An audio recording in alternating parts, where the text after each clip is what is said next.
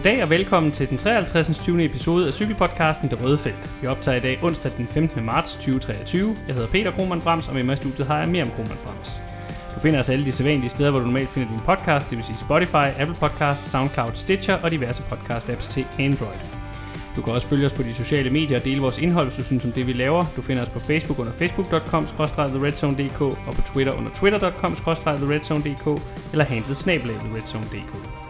Her kan du også skrive til os, hvis du har nogle spørgsmål eller emner, som du gerne vil have, at vi tager op i vores programmer. Den ventede forsmag på Vingegård på duellen 2.0 endte med en klokkeklar slovensk sejr og noget af en køretur til den forsvarende danske turvinder.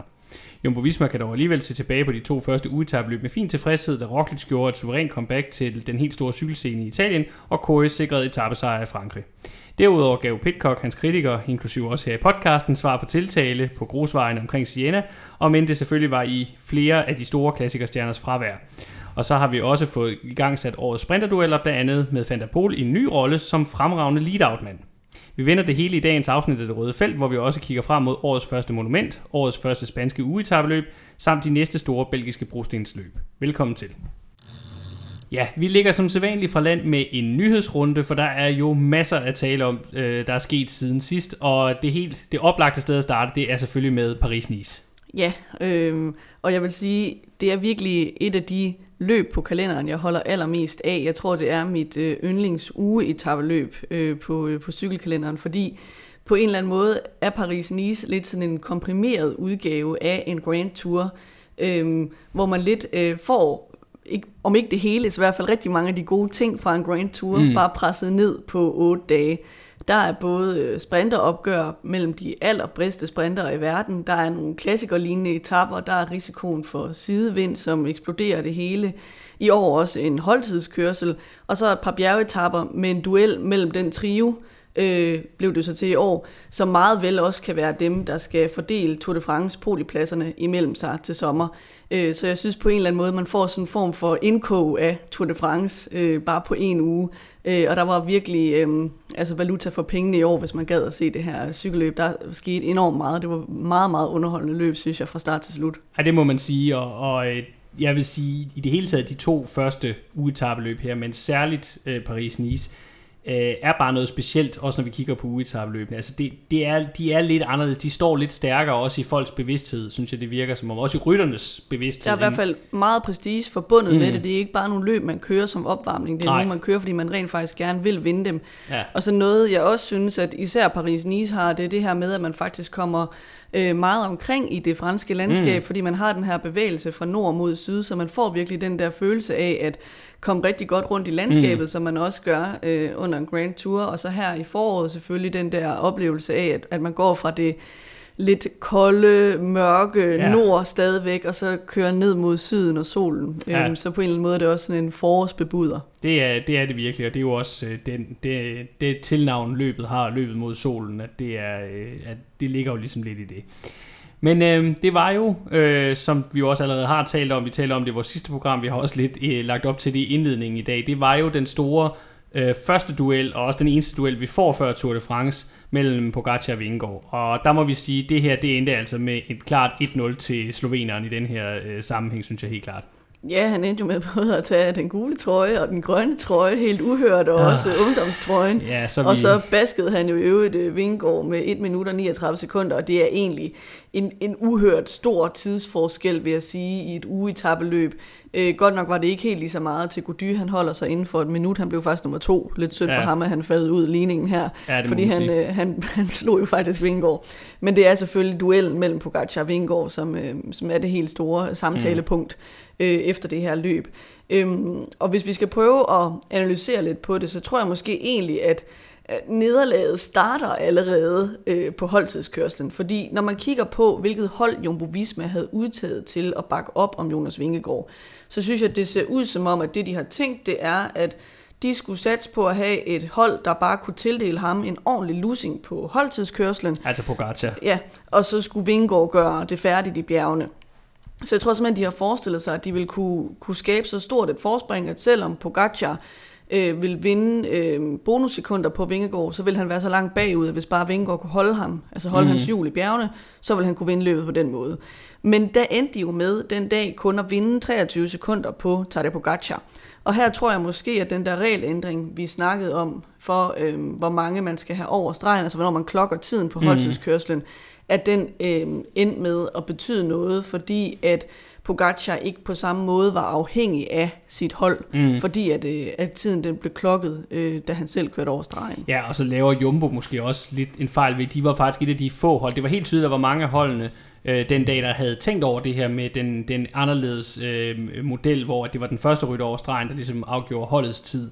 Øh, hvor det virkede som om, at, at Jumbo ikke havde forberedt sig helt så meget på det. Der var også nogen, der talte om, at der var jo en øh, mulighed for, at Jonas Vingegaard kunne have været med til at køre sin holdkammerat Nathan van Højdonk i den gule trøje den dag. Og måske også det var Vingegaards gode hjerte, der løb lidt af med ham, fordi Jumbo kom i mål tre mand samlet, øh, i stedet for kun en mand, som mange af de andre hold gjorde. Øh, og, og altså, det havde nok, var nok ikke der, hvor der, det var nok ikke det, der gjorde den store forskel, men, men der var sådan lidt forskellige ting, der nej, nej, som det endte var det ja, jo ikke, men, øh, men det var helt sikkert en streg regning for dem. Og jeg tror måske, det er mere sandsynligt, at de simpelthen har troet, at det at blive sammen vil give den bedste tid. Det vil jeg egentlig også have troet, mm. fordi at man så får den fordel, det er at kunne rotere. Ja. Øhm, men der har det alligevel vist sig nok at være en fordel at lave den der raketmodel, hvor man ligesom skød favoritten mm. af til sidst. Nå, men det var jo ikke fordi, at det var det, der endte med at afgøre det. Det var mere for at sige, at, at øh, der måske ender med at, at være det issue, at han ikke havde et stærkt nok hold i bjergene, mm, ja, øh, da de præcis. så kom ind i bjergene. Øhm, fordi dagen efter, på fjerde etape, der klappede han jo så for alvor til øh, Pogacar mm. øh, på det sidste bjerg, og Vingegaard klappede jo så tilsvarende sammen, må man sige. Mm. Og der synes jeg, det så ud som om, at da Pogacar laver sin anden øh, acceleration, hvor han slår det her hul til Vingegaard, der så det ud som om, at Vingegaard ligesom kom til at gå for dybt. Altså vi så ja. jo, at han lige så stille sig ind på Pogacar, og så var han meget, meget tæt på at lukke ham, og så lige det, der er det som om Pogacar skruer lidt mere op for tempoet, mm. og så eksploderer han bare. Øh, Vingegaard ender faktisk med at blive overhalet af adskillige andre ja. øhm, på vej op, øhm, og, og taber rigtig meget tid på meget øh, mm. få øh, kilometer. Ikke? Ja. Øhm, så, så der tror jeg, at han simpelthen kom til at, at gå i rødt felt, øh, og af den grund bare bløde sekunder. Mm. Øhm, men resten af, af løbet udviklede sig også bare må vi sige, til en, en form for at tage det på gacha show. Øhm, han tog som sagt de tre trøjer og også tre tabsejre undervejs. Mm. Øhm, så han var jo egentlig bare øh, utroligt dominerende anden halvdel af løbet. Han var, han var stinkende suveræn, for at sige det som det er, og vinder jo kongetappen den øh, næste sidste dag også klart, og, og tager også så øh, sejren på den sidste etape øh, ned til Nice øh, hen over øh, Col d'Huez, hvor han også var klart stærkeste mand. Så der var jo ikke nogen tvivl om sejren. Det oplagte spørgsmål at stille her, det er jo så, hvor bekymret skal vi være på Jonas Vingegaards vegne oven på det her? Jamen altså på den ene side, så var det jo en klokkeklar afklapsning. Det synes jeg ikke, der er nogen vej udenom. Altså jeg synes, Vingegaard modererede jo sådan undervejs i løbet lidt sine udmeldinger om, hvor på formkurven han ligger lige nu. Mm. Men altså, vi må holde fast i, at inden løbet, der meldte hans øh, hold ud, at det her, det var en Jonas Vingegaard i den bedste martsform nogensinde. Aldrig havde han været så god form øh, i marts måned. Og Vingegaard sagde jo også selv, at han gik efter sejren. Mm. Så set med de briller på, synes jeg, der må Pogacars overlegenhed jo være lidt en øjenåbner. Så må man jo gå hjem og tænke, mm, okay, er han så meget højere op på formkronen end mig, eller er der noget galt med min form? Skal vi gøre tingene på en, på en anden måde? Mm. Altså på den anden side, så ved vi jo også fra tidligere sæsoner, at Pogacar, han gerne kommer ind i sæsonen i tårnhøj øh, øh, form, eller tårnhøjt op på formkurven, ikke? Mm. Så måske han bare er øh, længere fremme formmæssigt end Vingegaard. Der er jo lang tid til juli. Mm. Øhm, og så må vi også sige, at en af de største styrker, Vingegaard har, øhm, øh, også i forhold til Pogacar, den kan vi ikke få målt ud i et øh, en uges etabeløb, fordi at øh, der tænker jeg på det her med hans evne til at restituere mm. og være bedst i tredje uge af et etabeløb, hvor vi ja. har set, at der har været en tendens til, at han har været bedre kørende i tredje uge af Tour de France end Tadej Pogacar. Ja. Øhm, så, så der er jo også, øhm, kan man sige, en styrke der, som han vil have øh, mm. til sommer. Så jeg, jeg synes, øh, på den ene side er der stof til eftertanke for Vingegaard, og, og vi må sige, at Pogacar har vundet det første slag, jo både fysisk og mm. mentalt, men omvendt så øh, er det jo to forskellige løb, så der er heller ikke nogen grund til at, at gå i panik. Og jeg synes egentlig bare, som fan, så skal man glæde sig over, at øh, der nu er endnu mere spænding forud for Tour de mm. France, fordi vi har set det her med, at, at Pogacar ligesom øh, har slået tilbage, ja. øhm, og så... Øh, må ikke det også motivere øh, Vingegaard til mm. så at gøre tilsvarende. Og så vil jeg i øvrigt måske gerne tilføje, at Nu bliver det jo meget gjort til sådan et spørgsmål om, hvor står de så i forhold til hinanden mm. forud for Tour de France, men der skal man måske også huske, at hele cykelsporten handler jo ikke om Tour de France. Nej, nej. Paris-Nice er også et løb i egen ret, og der er ikke nogen tvivl om, at det har været et løb, som de begge to gerne vil vinde, ikke bare mm. for at vinde over den anden, men også bare fordi, at det er et stort løb at vinde. Mm. Øhm, så uanset hvad, synes jeg, vi skal sige, at det var enormt flot kørt af, af Pogacar, øh, uanset hvordan det så går Ja. øh, til sommer i Tour de France. Helt afgjort. Og hvis man så skal sige noget igen til Vingegaards fordel, så kan man jo øh, huske tilbage på sidste sæson, hvor Vingegaard jo øh, og Pogacar kører mod hinanden i Tirreno Adriatico. Og der var Pogacar også, øh, som jeg husker det, lige så suveræn, som han var i forhold til Vingegaard denne gang. Hvis ikke endda mere. Og igen, øh, der kan man så sige, der havde Vingegaard så heller ikke meldt ud, at han var i kanonform på forhånd, og, og havde ikke vundet Tour de France på det tidspunkt. Så der, der stod han jo også i en anden position, end han gør i dag. Men det er også bare lige for at huske, at sidste år, der var der også en klar forskel mellem dem i etabeløb på det her tidspunkt. Og så ved vi jo alle sammen godt, hvordan det så gik øh, senere på sæsonen i Frankrig. Så, øh, så al spænding er intakt, måske endda endda mere af den, som du siger, og det er jo bare fedt for os som, som fans. Det skal nok blive en øh, fantastisk juli, hvis, øh, hvis øh, tingene går, som, som vi håber på. Men øh, her og nu, der er det i hvert fald 1-0 til sloveneren, øh, meget klart, og, og, og Vingegaard indtil videre i, i, i gulvet, hvis man øh, skal se det som en boksekamp. Det Ja, skal så fik han jo så alligevel en podieplads, ikke? Ja, ja, han bliver nummer tre, så det er jo også begrænset, hvor, hvor stor en katastrofe. Skal vi heller ikke gøre det værre, end det er. Men, øh, og, og der, er vel også, der er nok også andre danske medier, der, der har tegnet et mere øh, sådan mørkt billede af det her, end, end der måske var, er rimeligt. Hvis vi skal kigge på nogle af de øvrige overskrifter fra Paris-Nice, så synes jeg jo, at det mest oplagte at tale om, det er ham, vi jo sådan lidt glemmer i hele den her duel, nemlig den, den store, synes jeg, positive overraskelse i det samlede klassement, nemlig David Gody fra Groupama FDJ, øh, som jo ender med faktisk at blive nummer to. Ja, og som for alvor begynder at ligne en kandidat til Tour de France-podiet til sommer, også fordi at ruten er, som den er. Ja, Øh, Ikke hvor, meget hvor der ikke er særlig meget enkeltstart. Øhm, han ligner en, der godt kan være med i bjergene. Altså, mm. jeg, jeg tror ikke på, at han kommer til at køre bedre end Vingegaard i bjergene til sommer. Men øh, han ligner da en, der godt kunne øh, være best of the rest øh, og indtage den sidste plads på podiet. Helt klart. Og så så det jo ud som om, at ham og, og hans øh, holdkammerat Arne Demar måske har fået klinket skårene, fordi Demar hjalp der til en enkelt dag med at køre en, en lead-out for Kudy, så han kunne få nogle bonussekunder. Det, øh, det tænker jeg, det, det gør man ikke, hvis man øh, virkelig øh, overhovedet ikke kan, kan fungere sammen overhovedet. Så, så er selv sådan nogle små ting svære svær øh, at gøre for hinanden. Så, så det tyder også på, at der er, og det er der i det hele taget nogle ting, som vi måske også kan tale om lidt senere, der tyder på, at tingene øh, ser ud til at fungere bedre internt på Gruppe Varme efter J, men, men det er sådan en helt anden historie. En, der til gengæld ikke ligner en podiekandidat i sommerens Tour de France, det er en mand, der kører for Ineos, og ellers var udråbt til at være deres kaptajn inden løbet. Ja, Danny Martinez, han begynder mere og mere, synes jeg, at ligne en, der har det meste i munden og ikke så meget i benene. Ja, Øh, han brændte helt sammen i Ja, det her løb. det han kørte sige. virkelig, virkelig dårligt, i hvert fald virkelig skuffende. mm, Øh, han var der slet ikke, og jeg tænker, at på Ineos, der må man da sætte sig ned til tegnebrættet og tænke, mm. hmm, er det virkelig ham, vi skal satse på i Tour de France? Mm. Fordi selvom de måske ikke regner med, at, at de kan udfordre Vingegaard og, og Pogacar og køre med om sejren, uanset hvem de vælger at køre for, så er der jo ikke nogen tvivl om, at de i hvert fald gerne vil have en mulighed for at gå på podiet. mm. Og han ligner slet ikke en, der kan give dem den mulighed lige nu. Ej. Så skal det være, fordi han har fejltegnet sin form fuldstændig øh, mm. på det her tidspunkt. Øhm, så hvis jeg var dem, så tror jeg, jeg vil sætte mig ned og krydse rigtig meget fingre for, at Bernal, som jo skal gøre øh, comeback øh, nu her, Mm. øh, viser sig at komme meget, meget hurtigt i form og Ja. blive klar til at være kaptajn i Tour de France. Det Fordi kan han jo godt nå, hvis vi, men det skal ja. Vi også snakke om under. Dani Martinez, øh, synes jeg, er en stor skuffelse. Jeg synes ikke, han ligner en, øh, hvor jeg vil have lyst til at lægge mine Ineos æg i hans øh, kurv til Nej. sommer. Det, det synes jeg er helt klart oven på, på det her løb. Uh, en øh, ung fyr, der til gengæld imponerede, synes jeg, det var den unge amerikaner Matteo Jorgensen, der ender med at blive nummer 8 samlet, øh, og som jo sad rigtig flot med på de fleste, eller på alle bjergetapperne faktisk. Øh, han var i en meget let genkendelig, fordi han kørte i ungdomstrøjen. Øh, det var selvfølgelig Pogacar, der vandt den konkurrence, men øh, Jorgensen var så nummer 2, og derfor kørte han i den i, øh, øh på de afgørende etapper. Og, og han er jo sådan en, der har været sådan lidt på vej de senere år. Det, der har været sådan forventninger op til de sidste par sæsoner, om nu kunne det være, at han brød igennem som øh, i hvert fald ugetabløbsrytter, måske også etabløbsrytter over tre uger, men, øh, men det er ikke helt sket endnu, men, men det kan være, at det her er det første tegn på, at det kommer i år for ham. Ja, han kan godt være sådan en af dem der, der bare skal bruge noget mere tid til lige at vende sig øh, til, hvordan det er at køre på World Tour niveau, mm. og så må man sige, altså det er da i den grad tiltrængt for Movistar Ja. at få et talent til at bryde igennem, og især en, der kunne bidrage lidt til deres øh, bjergtrup, nu hvor det hele ellers lidt hænger på mas. Ja, Øh, så det og kunne være, Sosa ikke ligner en, vi ja, skal det kunne være enormt godt for dem, hvis tidspunkt. han øh, kommer med gennembrud. Mm. i den her øh, sæson. Vi havde jo også håbet på, måske, øh, jeg tror ikke, vi regnede med, at vi kunne få to danskere på podiet, men vi havde jo håbet på lidt yderligere dansker succes i det samlede klassement, udover øh, for Vingegaard, men øh, det sluttede desværre meget uheldigt for, for Mathias Skelmose, der ellers havde vist lovende takter, synes jeg, på, øh, på den der øh, massivt centrale etape dagen efter holdtidskørslen, hvor Pogacar også øh, slog til og tog den gule trøje. Ja, han stod jo desværre på hovedet ud over sit cykelstyrt, øh, cykelstyr, og ja. det resulterede ja, i et styr ned på hovedet øh, hvor der heldigvis ikke skete noget alvorligt Nej. med ham. Øhm, men altså, det er jo vildt ærgerligt for ham. Jeg tror godt, han kunne være kørt i top 10, sådan vurderet ud fra, mm. hvordan han kører på den første bjergetappe.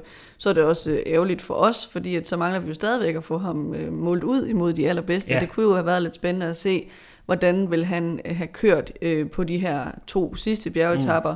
Mm. Øhm, især øh, kongeetappen, ikke for at se, hvordan vil han gøre det imod nogle af de allerbedste mm. bjergrytter i verden.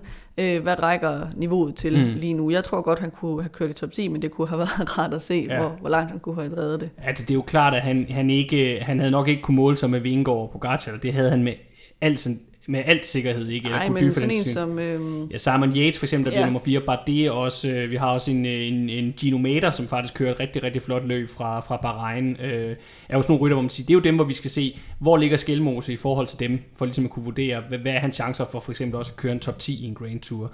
Og det, øh, ja, det, det, det fik vi så ikke set på grund af det her uheld desværre. Og, ja, det er ærgerligt, men øh, heldigvis er han jo ikke kommet noget alvorligt til, og er formentlig snart, eller han er faktisk, så vidt jeg ved, han er på cyklen og træner, og, og skal nok være til start. Det kommer ikke til at ødelægge hans sæsonprogram overhovedet. Så, men altså, hvis man kigger på nogle af de der små løb, han kørte øh, i optakten, mm. øh, så kan man sige, sådan en som Nielsen Paulus, som han lå op og, og baksede med, han blev nummer mm. 6, ikke? og en anden af dem, han, øh, han kørte imod Vauclain, blev nummer 18, så det mm. havde nok været et sted i det der spilfelt, ja, det kunne have været rart at se, øh, hvor ja. vil han så have ligget øh, ja. der. Det kommer vi nok til at se øh, senere ja. på sæsonen. Heldigvis. Jeg vil jo lige som en, en sidste ting i forhold til Klaas lige fremhæve, ja, jeg nævnte ham allerede lige Gino Meter fra, fra Bahrain. Jeg havde nok regnet med, at det var Jack Hague, der skulle være deres primære navn, men det viser sig at være nogle Schweizer i stedet for, der, der jo øh, for to år siden havde en rigtig flot Vuelta, hvor han kørte top ja, 10. Men, bedste kørsel, vi har set fra ham siden. Ja, men, men var lidt væk sidste år. Men øh, det kan være, at det nu, det så også kommer fra ham. Det endelige gennembrud som etabløbsrytter. Det må vi se.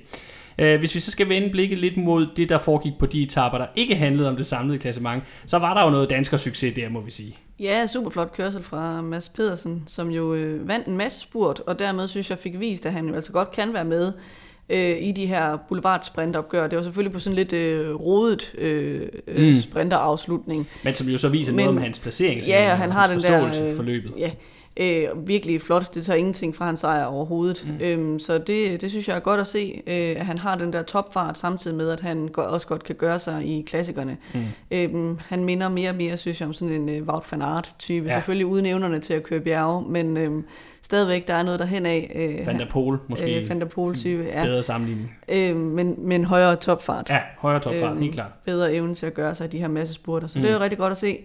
Øhm, så Tonser Malier jo ellers bare videre for Quickstep øh, og holder dermed præstationspresset på Fabio Jacobsen. Han har jo også vundet igen i dag ja, til Malier. Jeg har lige set ham vinde i Nordkår Korse. Nordkår Korse.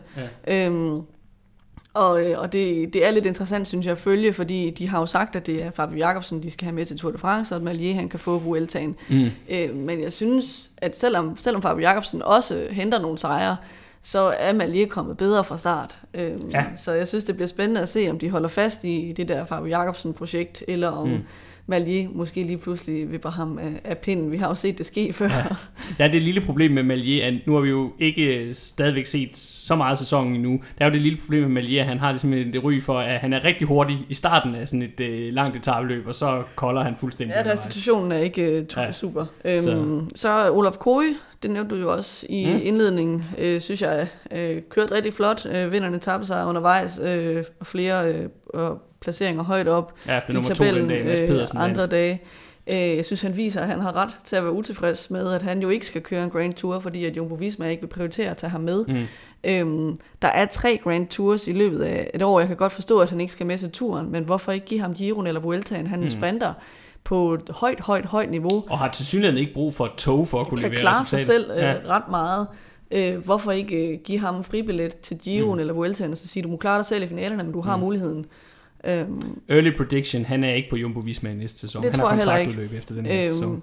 Men øh, han er jo også bare en komet på vej fremad. Han skal bare mm. finde et hold, hvor øh, der er plads til ham. Helt afgjort. Og så den sidste ting, synes jeg, vi lige skal omkring i forhold til det der med de gode danske resultater. Så øh, lykkedes Jonas Skagergaard jo med at vinde bjergtrøjen. Mm.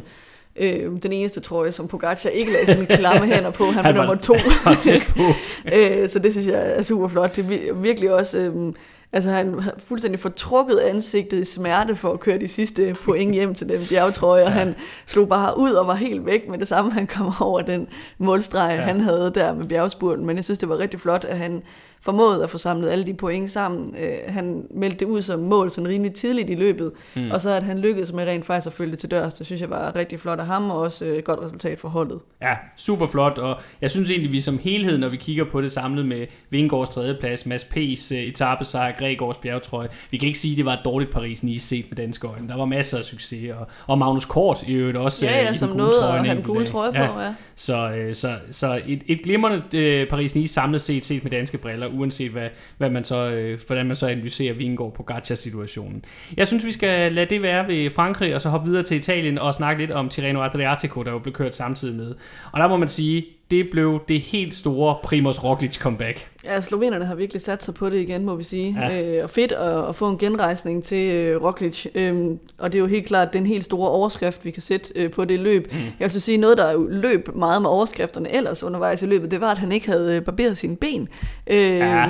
og så havde han meldt ud, at øh, det ville han først gøre, når han øh, vandt igen. Og så skal mm. jeg lige få lov for, at han fik vundet igen her. Han tager ja, både den samlede sejr og også tre tabsejre undervejs øh, og fuldstændig umuligt at bide skier med i det her løb. Øh, og jeg synes, det er ret imponerende, fordi at da vi lavede vores optakt til programmet, var han jo ikke engang meldt til start endnu. Nej, det var sådan en sen tilmelding. Og det var slet ikke meningen, at han skulle have kørt øh, løb før senere på foråret. Han skulle have kørt Katalonien øh, som det første, ja. det som vi skal tale senere om så, i dag. Øh, han er jo kommet tidligere tilbage, og så har han jo gået direkte ind og leveret på aller mm. øverste niveau, og til synligheden i topform. Øh, jeg synes, det er rigtig fedt at se ham være tilbage. På det niveau. Jeg synes, det lover rigtig godt for spændingen i Giro d'Italia. Jeg tror, at Remco Evenepoel, han har siddet derhjemme og siddet klinet til tv-skærmen og tænkt, damn, mm. han er der, sloveneren. Ja. Og, og den, øh, den, nu har vi snakket meget om Vingård på Gacha, den duel får vi jo et preview på her øh, i det løb, vi skal snakke om, det etabløb, vi skal snakke om senere i dag, øh, Katalonien rundt. Så det er jo også noget, vi kan se frem til, og som vi vil gennemgå senere. Det bliver også rigtig, rigtig spændende. Ellers så synes jeg jo, at øh, en anden, øh, man kan fremhæve for det her løb, det er jo så Joao Almeida, portugiseren fra UAE, som bliver nummer to. Øh, det var sådan en klassisk Almeida, han hang godt på i, i bjergene, hang med i elastikken, kørte op, når han blev sat, og, og så ellers så kørte han jo en fin enkeltstart til at starte løbet på. Øh, og det viser jo et eller andet sted, selvom at jeg stadigvæk ikke ser ham på samme niveau som øh, Evenepoel og Roglic, så skal han tage seriøst i forhold til Gion, i hvert fald som poliekandidat. Ja, ja, og, så, og så synes jeg jo, at det her også fastslår, at han helt klart stadigvæk skal betragtes som den klare nummer to hos UAE. Det er selvfølgelig også øh, på den baggrund, at det, det unge talent Juan Ayuso øh, til synligheden jo kommer til at være ude et stykke tid nu med en skade. Han skulle egentlig have sæsondebuteret her i Katalonien, men, øh, men er, er ramt af noget betændelse i en muskel, der gør, at han ikke kan være til start, og, og lige nu øh, er hans sæsonstart... Ja, eller i nogle senere, tror ja, jeg. Se, senere, og, og det gør, at, at hans sæsonstart faktisk er udskudt på ubestemt tid indtil videre. Så, så godt for Almeida, han fik lige slået fast, at ham skal man stadigvæk regne med, og men at han selvfølgelig nok ikke er på samme niveau som, som Roglic. Det fik vi i hvert fald slået fast her, og så nok heller ikke i Vennepol. Ja, så noget, der er sjovt, synes jeg, ved det her løb, det er, at det er sådan de der øh, tre store øh, etabeløbshold, øh, der står mm. for, for 1, 2 og 3, ikke? fordi øh, Jumbo Visma løber med førsteplads med Roglic, UAE tager andenpladsen med øh, Almeida, mm. så man kan sige de to sekundanter, der gør det, de ja. skal gøre. Øh, og så er det Ingers, der har den, øh, den tredje plads på skamlen. Og der synes jeg, der sådan både var godt og dårligt nyt for det hold, fordi Øhm, det var måske ikke den Ingers-mand, man havde regnet med at se på podiet, der stod der.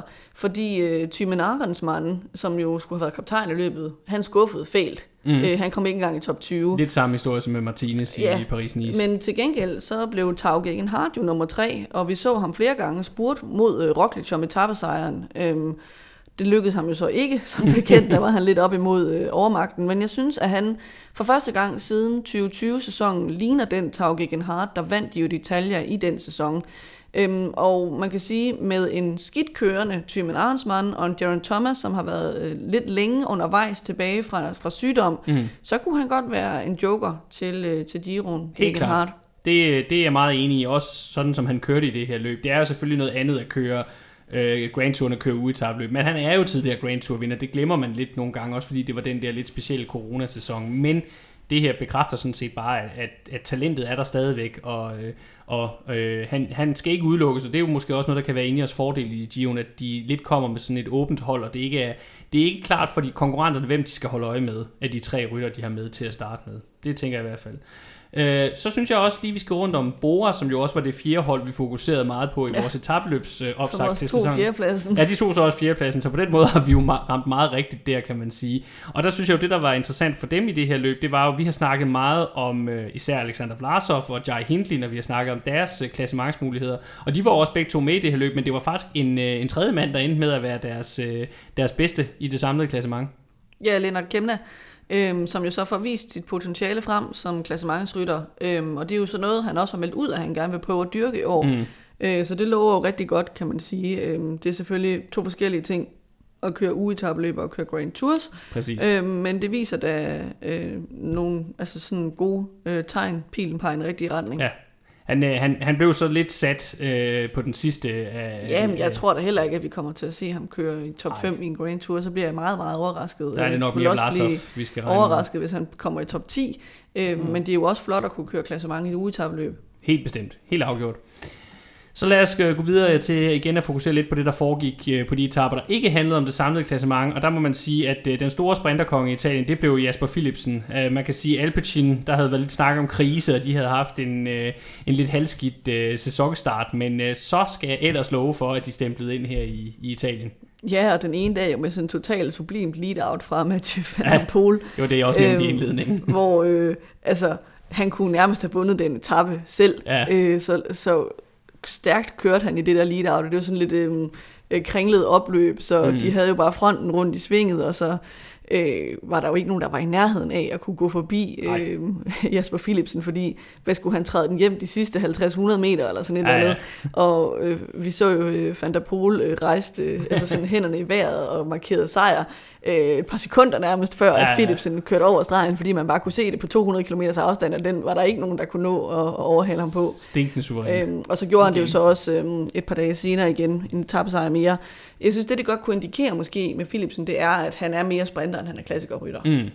Ja, det, det kunne det, og der, der må vi jo så sige, det bliver jo igen så interessant at se. Han vil jo også stadigvæk, han har jo flere klassikere, han skal prioritere i år. Det bliver jo så interessant at se, om, han, om det bliver en succes eller ikke gør. Det startede jo ikke så godt i, i den første, mm. i åbningsweekenden med omlop. Nej, det jeg mener, det er, at han er jo i form, når han kan lave det her. Ja, det så måske jo. er det bare fordi, at han er sprinter, ja, og ikke og så skal er han jo, så skal eller han måske, klassikerrytter. Så skal han måske ligesom Arno Demar bare tage en beslutning om, at så er det det, han gør. Og så må jeg nok også hellere nævne, at Fabio Jacobsen fra, fra Quickstep mm. også fik en etappesejr. Mm. Øhm, så på den måde, så holder han sig jo inde i gamet i forhold ja, til den der tur udtalelse. Helt øhm, men han var jo ikke sådan i nærheden de andre dage. Han kørte Nej. ikke vildt godt i de andre spurtafslutninger. Nej, jeg tror, han er mere afhængig af at blive leveret ordentligt, ja, end, end, end, end Malier. Uh, men igen, vi må jo sige, Quickstep Øh, nu har vi snakket lidt om, at øh, de er ved at ændre lidt karakter som hold på grund af Vennepol, og, og om det har kostet noget i forhold til klassikerne, hvor de jo ikke kom så godt fra start i sæsonen. Der må man så til gengæld bare sige, at i forhold til spurterne, der har de altså deres mojo i behold. De er stadigvæk ja. øh, på de fleste dage et af de bedste, eller de er et af de bedste sprinterhold i, i feltet. Mm. De sprinter, de har, de kommer til at vinde sejre, fordi de bare er så gode til at, til at levere dem øh, i de afgørende øh, finaler. Så den sidste ting, jeg gerne vil nævne, det er, at altså, Tirreno er jo sådan et løb, der gerne tiltrækker klassikere folk, mm. fordi der er de her muretapper. Og derfor tror jeg, vi var mange, der har glædet os til at se Van Aert og Van der Poel køre imod hinanden. Mm. Øh, og selvom Van der Poel leverede et rigtig godt lead-out, så ramte han faktisk ikke rigtig formen selv Nej. i det her løb i forhold til at køre nogle egne resultater hjem. Og Van Aert var også meget usynlig. Vi så ham øh, sidde op øh, mm. den første dag, og øh, prioriterede heller ikke at køre enkeltstarten for fuld udblæsning. Mm. Øhm, så, han har jo været syg, skal vi lige ja, sige. Ja, for Van Aert kan det godt være en del af sådan en lidt øh, langsom opbygningsproces til klassikerne. Van der Poel har været ude og sige, at han ved ikke, hvorfor formen ikke helt er der, om det mm. måske har været en dårlig idé at køre de der crossløb hen over vinteren. Mm. Øhm, så lidt sløjt øh, ja. med dem. Jeg håber, at vi kommer til at se dem lidt mere øh, op i gear øh, i de kommende løb, de skal køre mod hinanden. Ja. Øh, I det hele taget, så, så fik klassiker-eksperterne ikke ret meget ud af det her løb. Men altså, de har fået kørt det og fået varmet op, og så må vi jo se, øh, hvordan det... Van og Pitcock fik også kørt ind i hinanden. Ja, det kommer vi til lidt, øh, lidt senere. Øh, ret uheldigt, øh, men øh, det, det vender vi tilbage til. Øh, og så tænker jeg lige, en jeg altså også lige vil nævne, som det tager jeg så godt, vi kan sige nu, det er jo, at det er en, der så i forhold til spurterne overhovedet ikke fik blandet sig. Det var altså Mark Cavendish, øh, selvom han jo har fået Øh, og det skal vi måske også tale om lidt senere. Øh, han har jo fået øh, en, en ordentlig øh, lead-out-mand, eller i hvert fald en lead-out-mand, der fylder meget. Ja, han kan skubbe nogle andre væk. I form af den øh, unge og meget muskuløse russer Gleb Syriza, men øh, det resulterede altså ikke i, i nogen topplaceringer for, for Cavendish her i, i Italien. Øh, hvorimod en anden, øh, ellers lidt sådan sprinter, vi ikke har set så meget til, og Gaviria jo faktisk fik blandet sig rigtig, rigtig flot. Så øh, ja, der, der er lidt at tænke over der i Astana-lejren, tænker jeg umiddelbart. Vi bliver i Italien, men vi går videre til Strade Bianche, som vi jo også øh, varmede op til i vores sidste udsendelse. Og der må vi jo ligge os fladt ned og sige, vi nåede jo lige at sætte spørgsmålstegn ved Tom Pitcock. Ja, det var vist mest Det mest dig. mig. Ja, jeg, jeg kom vist til at sætte lidt spørgsmålstegn ved Tom Pitcock, inden, øh, inden øh, øh, de løb, vi har haft kørt siden sidst. Og der må jeg jo bare lægge mig fladt ned og sige, at øh, han gav svar på tiltale med en rigtig, rigtig flot opvisning i Strade Bianche.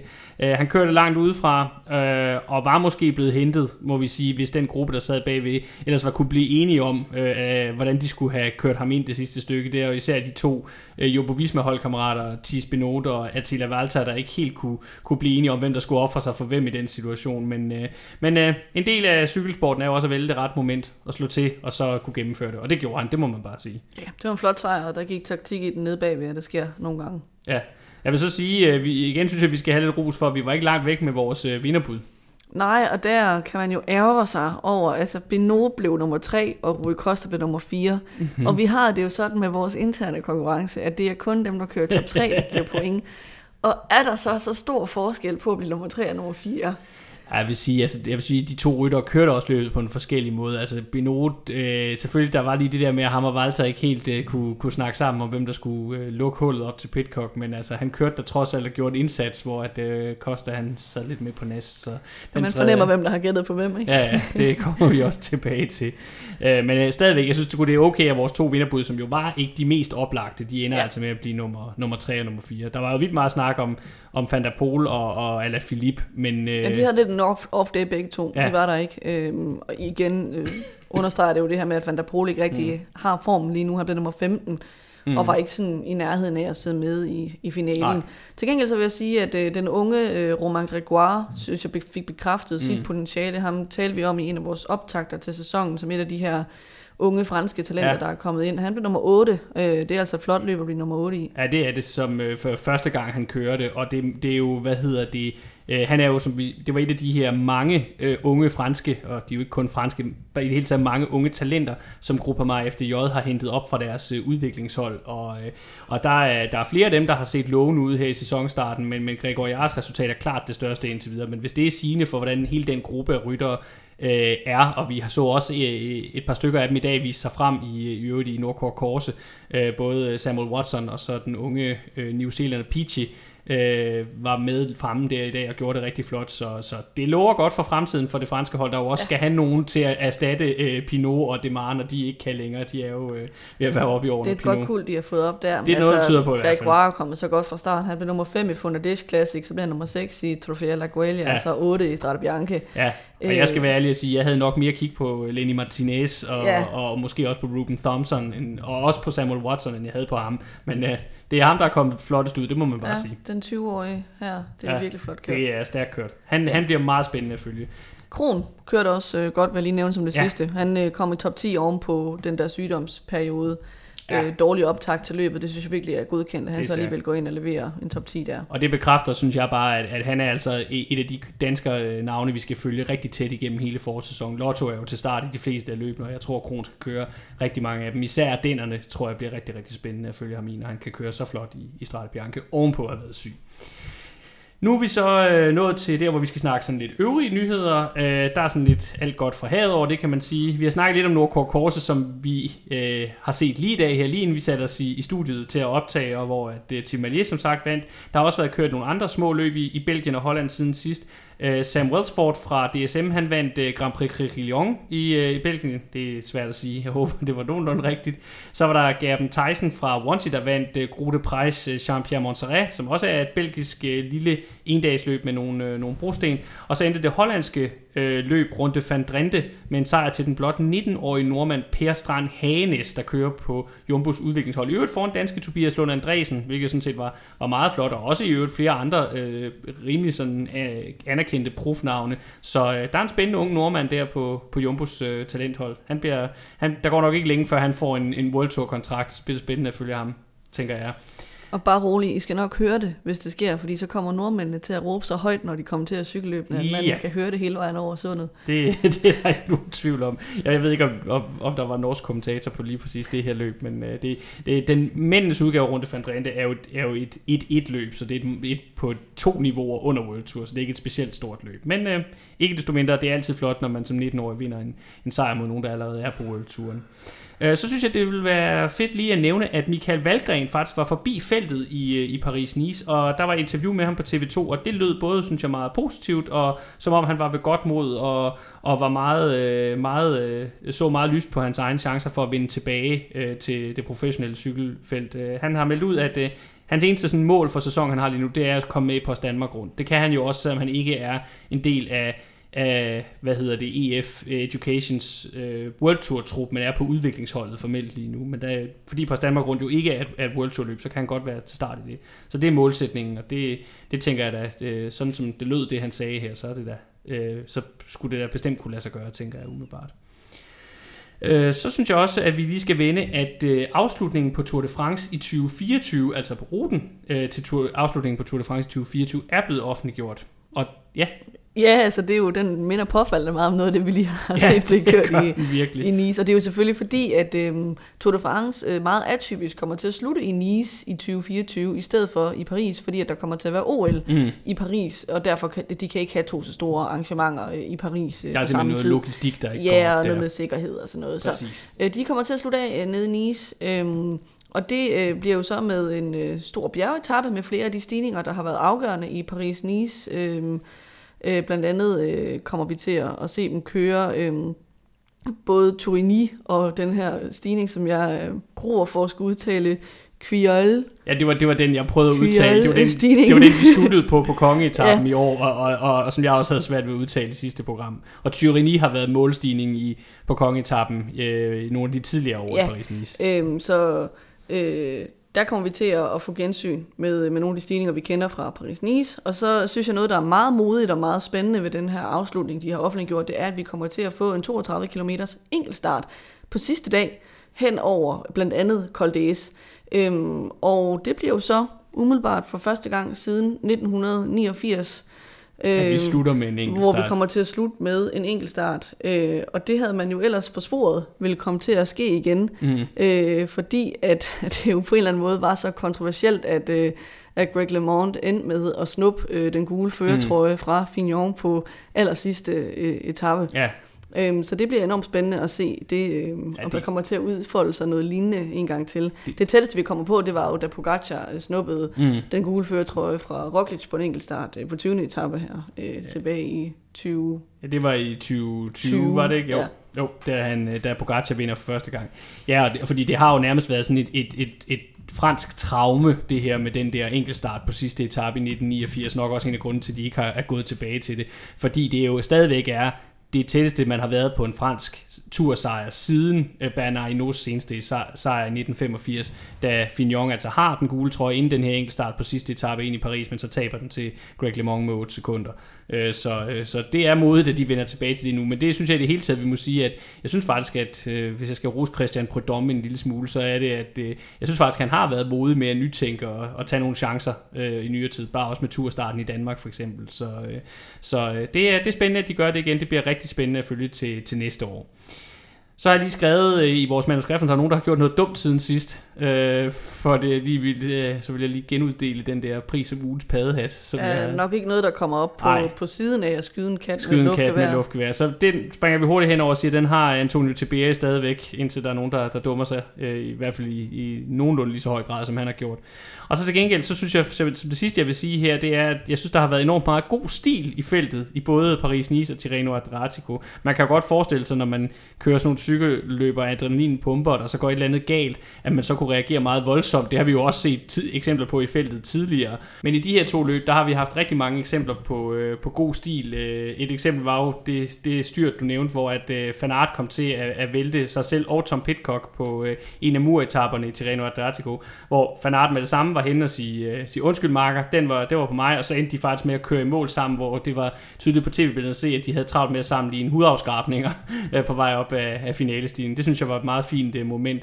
Og så var der jo det her styrt i Paris-Nice, som vi har talt om i forhold til Mathias Skelmose, hvor uh, efterfølgende så er Thomas de Gent fra Lotto Destiny, han er ude og tage det fulde ansvar for styrtet på uh, de sociale medier. Han skriver om det på Twitter, og så skriver Skelmose til ham, uh, shit happens, uh, uh, nothing, eller han skriver sådan noget, shit happens, uh, uh, det, du, det skal du ikke tænke mere over. Altså, bare igen, god stil. Øh, og altså, ikke nogen bad feelings imellem folk, fordi der sker uheld, for det er en del af cykelløb. Det synes jeg skulle fedt. Så skal vi lige hurtigt vende øh, kvindernes World Tour, hvad der er sket der siden sidst. Øh, der har også været kørt øh, Strade Bianche. Det blev endnu en stor SD Works fest med dobbeltsejr til, øh, til det store og mest dominerende kvindehold.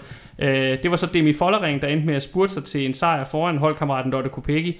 Og det man så kan sige om det, det kan godt være, at SD Works er det mest dominerende hold i kvindecykling, men rytterne er internt tydeligvis ikke nødvendigvis enige om, hvem der er kaptajn og hvem der skal vinde, for der var blev ikke, apropos den gode stil, jeg talte om i herrenes felter lige før, så blev der ikke udvekslet mange ord mellem de to, efter de var kommet over stregen. Øhm, Cecilie Utrup øh, prøvede at følge med de to SD Works ryttere på finalestigningen inde i Siena, men måtte nøjes med en fjerdeplads. Som dog så efterfølgende er blevet opgraderet til en tredjeplads, da øh, Kristin Faulkner fra Jaco, der ellers havde forsøgt sig med et soloudbrud, lidt af det Tom Pitcock havde øh, gjort i mændenes løb, øh, og havde holdt alle andre end Follering og Kopecky bag sig. Hun efterfølgende er blevet diskvalificeret, fordi det simpelthen blev opdaget, at hun har båret sådan en ulovlig glukosemonitor under løbet. Det er sådan nogle øh, apparater til at måle blodsukkeret, som man gerne må bruge under træning, men UCI altså indtil videre siger, at de må ikke bruges i konkurrence. Og det har mm. altså gjort, at hun er blevet diskvalificeret. Det er ikke noget doping eller noget af det her, skal vi lige sige. Det er en, en, en teknisk, et teknisk hjælpemiddel, som man ikke må bruge i konkurrence. Mm. Det havde hun gjort, det blev hun taget for, og derfor hun blev disket. Men ja, ellers ikke andre konsekvenser. I forhold forhold til Cecilie, så nu er det jo ved at være nogle dage siden det løb blev kørt, men jeg husker det nu, som om hun blev sat lidt tidligere. Okay. Øh, altså det var på en af de, en af, en af de, de, sidste, de sidste stigninger. Okay. Altså, ja, ja, som det, jeg lige husker det, var det ikke ja, først øh, til okay, sidst. jeg havde det indtryk, det faktisk var inde på finalebakken, at hun røg af. Men, øh, ja, jeg husker ja. det som om, at øh, der alligevel var i hvert fald 15 til mål. Okay. Noget. Uden at jeg vil hænges op på det, så okay. husker jeg det ikke, som om hun blev læsset i finalen. Nej.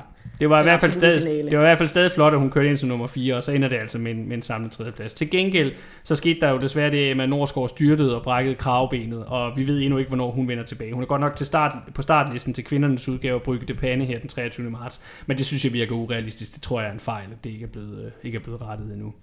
Øh, så nævnte jeg jo tidligere, at mændenes runde Drenthe er blevet kørt, og det er jo et meget lille løb, men kvindernes runde Drenthe er også blevet kørt, og det er til gengæld et World Tour løb for, for kvinderne. Og her endte det også med, øh, med øh, SD Works sejr til den her gang Lorena Vibes, og det betyder faktisk, at SD Works indtil videre har vundet alle tre World Tour løb for kvinder øh, på den europæiske del af kalenderen, efter, øh, altså efter vi er kommet til Europa, altså en dags, øh, en dags løb. Øh, men øh, det skal så siges, at øh, nummer, tre, nummer to og tre i, de, i det her løb øh, var to unge talenter. Det var Susanne Andersen fra kvindernes øh, Uno X-hold, og så Mike van der Duyn fra Canyon SRAM. Øh, og de her to øh, unge rytter slog altså blandt andet eks-verdensmesteren Elisa Balsamo, så der er altså også nogle nye øh, hurtige navne på vej i, i kvindesporten lige nu. Det synes jeg også er, er meget spændende at følge med i. Så som det aller sidste, inden vi begynder at kigge fremad, så skal vi lige have en opsamling på vores vinderbudskonkurrence. I forhold til sidste stilling var jo 1-0 til Miriam efter åbningsweekenden. Jeg synes, det er unødvendigt at skulle opdatere den stilling. Ja, det kan jeg godt forstå, du synes, fordi situationen er den, at øh, stillingen nu er 4-2 til undertegnet. Og det skyldes, at øh, jeg havde jo Tisbenot på podiet i, øh, Strade Bianche, det giver et point. Så ramte jeg jo rigtigt med Pogacar som vinder af Paris-Nice, og så havde jeg også Almeida på podiet i uh, Tirreno Adriatico. Så jeg laver fire point siden sidst, og du har så lavet et enkelt, fordi du fik Vingegaard på podiet i, i Paris-Nice. Så 4-2 er stillingen her uh, efter uh, Strade, Paris-Nice og Tirreno Adriatico. Jeg tager revanche, når og vi skal byde lige om lidt. Ja, og så lige som det sidste vil jeg sige, at vi har ikke lige nogen status på vores managerhold, men uh, det vil vi sørge for at have med fra med næste program. Nu skal vi så til at kigge fremad, og det første, vi skal varme op til, det er det, der sker på lørdag den 18. marts. For der er det nemlig tid til det første af årets fem monumenter. Og det er traditionen tro den mindst kuperede, og samtidig også måske vanskeligste at vinde af de allerstørste klassikere. Øh, det er som sædvanligt den, der får lov at åbne ballet. Det drejer sig naturligvis om La Classissima, forårsbebuderen Milano Sanremo. Det løb blev kørt første gang helt tilbage i 1907, og indtil nu er det blevet afholdt i alt 113 gange. Det har faktisk kun været aflyst tre gange, en gang under 1. verdenskrig og så to gange under 2. verdenskrig. Selvom at det bliver betragtet som sprintermonumentet, da det rutemæssigt som sagt klart er det fladeste og mindst udfordrende af de fem største endagsløb, så er det ikke fordi det udelukkende er feltets hurtigste folk, der dominerer vinderlisten, hvis vi kigger på den. Selvfølgelig er der hurtige folk som Roger de Flaming, Erik Sabel og Oscar Freire, som er godt repræsenteret, men der er også navne som Binda, Kobi, Bartali, Fignon og Kelly, som går igen med flere sejre undervejs. De to mest vindende ryttere i løbets historie, det er dog den hjemlige hent Konstante Diradenko, der har vundet løbet seks gange mellem øh, 1918 og 1928, så der er vi langt tilbage i historien. Og så er der, han har sagt, selvfølgelig Eddie Merckx, som er øverst på, på listen med hele syv triumfer i perioden fra 1966 til 1976. Jeg mener faktisk, det var det, det, øh, det monument, han vandt sidst, altså som det, hans sidste sejr i Milano Sanremo, er hans sidste monumentsejr også, mener jeg faktisk. Øh, arrangøren er, selvfølgelig han er sådan, når der taler om et stort italiensk løb, det er RCS, som jo også står bag øh, blandt andet Dion. Måske lige indskyde, at øh, Constante Girardengo er jo faktisk nok en af de største italienske cykelryttere ja. i øh, italiensk cykelsports historie øh, og er faktisk den første øh, rytter, der kom til at bære den her titel som Campionissimo, som nok ellers er især en titel, man især forbinder med Fausto Coppi. Ja. Men øh, han er den første Campionissimo. Øh, han var virkelig en stor mm. rytter, øh, dengang han kørte. Ja, og, og det er især, det er, derfor jeg også, det er faktisk også derfor, jeg synes, det er en god idé at altid at nævne ham, når vi varmer op til Milano Sanremo, fordi det er så det er de store løb, han har allerflest sejre i, så, så det er især der, hans, at hans navn virkelig er, er mejslet i granit. Hvis vi skal kigge lidt på ruten, så er det jo, som vi også har talt om mange gange, at mange endagsløb i dag primært bærer deres navn af historiske årsager, selvom at den nuværende rute rent faktisk ikke passer til navnet længere. Indtil sidste år, så var det ikke tilfældet, når vi snakkede Milano Sanremo. Der var det faktisk en rute, der gik mellem Milano og Sanremo. Men det har RCS altså nu besluttet sig for at lave om på. Så rytterne jo ikke fra i år skal sendes afsted længere inde fra centrum af den norditalienske storby og domkirken, men i stedet øh, begynder ude i forstaden Abbiategrasso. Det håber jeg virkelig, at jeg udtalt det øh, rigtigt. Øh, dog er resten af ruten indrettet sådan, at vi stadig kommer tæt på samlet 300 km, som jo er noget af det, der gør det her løb specielt, for det er det længste professionelle cykelløb i verden. Øh, og det vil det stadigvæk være, også selvom vi har den her lille ruteændring, hvor vi ikke længere begynder helt inde i centrum af Milano. Bortset fra udgangspunktet, så er alt eller som det plejer at være. Efter starten så bevæger ruten sig mod sydvest hen over Posletten i retning af den liguriske kyst. Den, den del af ruten kan på grund af årstiden godt være præget af ret omskifteligt og indimellem voldsomt vejr, men det handler normalt mest om at give rytterne kilometer i benene. Afslutningen på denne del af ruten er den traditionsrige, men ikke specielt udfordrende tur hen over Tokino-passet, som jo i gamle dage var den eneste stigning på, på ruten. Når op- og nedkørsel her er så overstået, så er der stadig 140 km tilbage, og disse foregår alle langs kysten i det smukke Ligurien, hvor vejret i modsætning til op på Polsletten ofte er skønt allerede for den her årstid. De første 80 km langs kysten er fuldstændig flade, men herefter begynder de små, men ikke uvæsentlige udfordringer så at melde sig. Først så kommer kabierne, tre meget korte stigninger, Cabo Mele, Cabo Servo og Cabo Berta, der skal forseres inden for 20 km. Herefter så følger så endnu 10 flade kilometer, inden rytterne når til løbets hårdeste stigning. Cipresa er med sine 4,1% i gennemsnit og maksimalt 9 over cirka 6 km. Ikke noget, man, der normalt vil give problemer for selv de tungere sprintere, men med 270 km af benene, så er det altså bare en anden snak, og noget, der allerede på det her tidspunkt vil skille forerne fra bukkene, så at sige. Der er nogen, der vil blive sat her, og som ikke kommer tilbage igen, og dermed mister muligheden for at vinde løbet. Fra toppen af Cipresa er der dog endnu godt 13 km hen til det, der udgør løbets egentlige finale, hvor afgørelsen med al sandsynlighed falder. Med cirka 10 km tilbage indledes nemlig opkørslen af Poggio di Sanremo, eller bare Poggio, stigningen, der mere end nogen anden har været løbets varetegn øh, i mange år efterhånden, nærmest siden den kom på ruten, og som er chancen for de favoritter, der ikke ønsker, at det skal ende med en mere samlet spurt i finalen. Igen er de her cirka 4 km med 3,8% i gennemsnit og maksimalt 8, som Poggio udgør, ikke noget, der normalt ville kunne skabe udskillelse, men i dette scenarie, der gælder der bare andre regler, fordi der er kørt så mange kilometer på det her tidspunkt. Øh, så på Poggio, der vil vi forventeligt se flere udspil øh, på vej mod toppen, og det mest sandsynlige er, at øh, enkelte ryttere eller en mindre gruppe vil indlede den teknisk svære 3 km lange nedkørsel alene i front. Nedturen og de sidste to, kilometer, øh, de sidste to flade kilometer indeholder sædvanligvis et hæsblæsende forfølgelsesløb, inden at vinderen kors på legendariske Via Roma, enten ved at en enlig mand kører først over stregen, øh, eller at det lykkes et par lykkerider fra Poggio skulle afgøre det imellem sig, eller der er også muligheden for, at det bliver en større gruppe, der samler sig og så spurter om årets første monumenttriumf. Nå, det var nok om øh, den her lange og smukke, ikke særlig spændende og udfordrende, men alligevel ikoniske øh, rute lad os kigge lidt på, hvem der er favoritter til det her løb. Og det er jo et løb, hvor man må sige, det er på en gang det nemmeste at køre, og nemmeste at vinde, men det er også det sværeste at vinde, og det siger også noget om alle de forskellige navne, der rent faktisk er i spil til at kunne vinde det her løb. Hvis vi starter med at kigge på øh, de hold, som vi jo også inden sæsonen ligesom havde i fokus, da vi snakkede klassikerne, så er det jo selvfølgelig oplagt at starte med øh, Jumbo Visma. Øh, og de har jo Wout van Aert som det helt store navn, tænker jeg umiddelbart. Ja, vi vil regne med, at han er up to speed, synes jeg, øh, når vi kommer til Milano Sanremo. Det var ja. som om, han lige skulle i gang i løbet af Tirreno Adriatico, men Monique han nok skal have timet formen og også øh, være topmotiveret for at gøre det godt. Mm. Øh, det er jo et løb, han har vundet øh, en gang før, men han vil nok ikke have noget imod at vinde det en gang til. Nej, det kan man sige. Men øh, der er så et øh, par andre navne, man på Jumbo Visma, der også kan komme i spil. Jeg tænker Christophe Laporte især.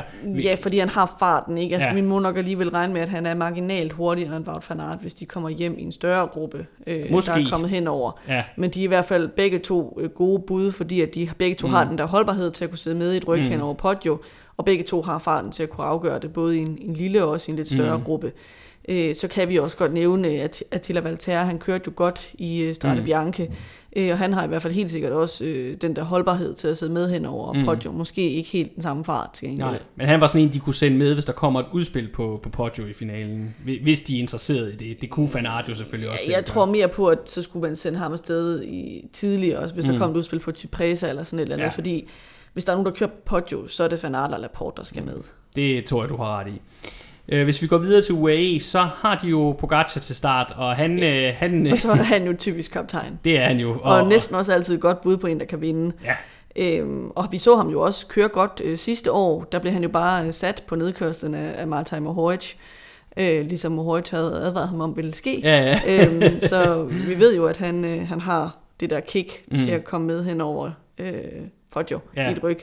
Øh, han skal bare lade være med at køre om kap med Mohoric nedad, Øh, og så ja. i øvrigt ikke komme til målstregen med nogen, der er alt for hurtige. Vi ved jo, at han har farten øh, på en rigtig god dag. Vi har da set mm. ham vinde over Van Aert i en, i en spurt i sådan det ene dags løb. Øh, men øh, det skal være en god dag for ja. ham, og en dårlig dag for Van Aert, for at det sker. Sige, det, der skete i et af de kanadiske løb sidste år, jeg mener, det var Grand Prix Montreal, det, det er ikke det, som, som normalvis vil ske, hvis Wout van Aert tager det i Pogacar en spurt mod hinanden. Så, så det er en, en gruppe, hvor han er den, det største navn, han skal afsted i, hvis, øh, hvis, det skal kunne, øh, hvis det skal kunne lade sig gøre. Jeg kan jo lige, lige hurtigt nævne, at han jo altså blev nummer, nummer 5 i løbet sidste år, så mm. han kan jo også godt gøre sig i, i finalen, uanset hvad, men, men som vinder, så skal han nok afsted i en, en lidt mere øh, udvalgt, eller lidt mere selektiv gruppe. Øh, de har også et par andre navne, der er interessant at nævne, synes jeg, UAE. De har jo øh, Alessandro Covi, som har noget acceleration på sådan en stigning som Poggio, øh, og derfor igen kunne være i spil. Men så er der igen det her med, det skal nok være tidligere, hvis han skal spilles ud. Det er Pogacar, der skal med, hvis der kommer et ryg der.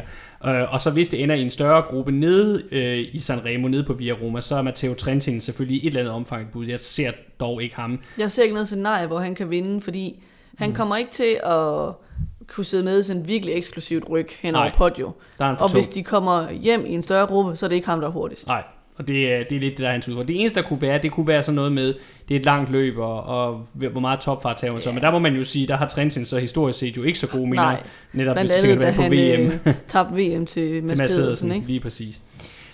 Hvis vi så kigger på Sudal Quickstep, så, øh, og det skal jo lige sige, det er ikke alle øh, startlister fra alle hold, der er fuldstændig offentliggjort endnu. Men sidst vi lige tjekkede, inden vi satte os i studiet her, der er det altså stadigvæk øh, Ala Philippe, der sådan er det eneste navn, de har sat på, som man kan betragte som en reel favorit i det her løb. Så de har altså valgt ikke at stille op med en sprinter, hvilket ja, jo er sådan... De har Ballerini, som jo er så hurtig. Ja, som er hurtig, men, men jo ikke er hurtig men, på nej, samme altså, måde. de har jo så... ikke en Malje eller en Fabio Jacobsen nej, til start, og, som det ser ud lige nu. Og det overrasker mig egentlig lidt, fordi jeg tænker, at også oven på det, han viste i dag i Runde van Drenthe, så, så en, en, en Tim Malje, som jo også er crossrytter af baggrund, og, og altså, som type måske minder lidt om, om Mathieu van der Poel. Han er mere regulær sprinter, det er jeg med på, men, øh, men han kunne jo godt være en, man kunne have i baghånden, hvis det nu yeah. bliver mere samlet øh, nede i, øh, nede i, i, øh, nede i Sanremo.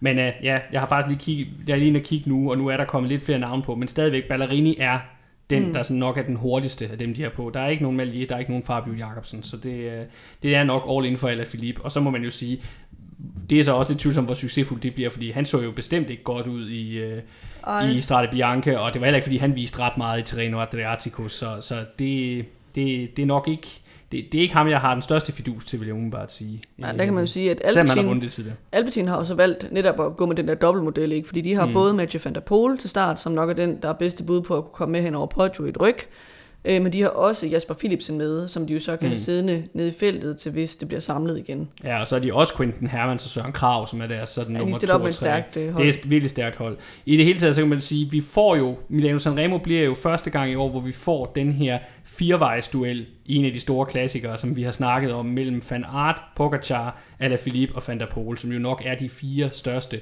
øh, klassikernavne lige nu. I hvert fald, hvis vi, Og Askren er faktisk også til start. Ja, det, det så jeg også godt lige, men, men ham har jeg lidt, igen lidt svært ved at se et scenarie, hvor, Ja, hvor, han, ja. hvor han kan vinde.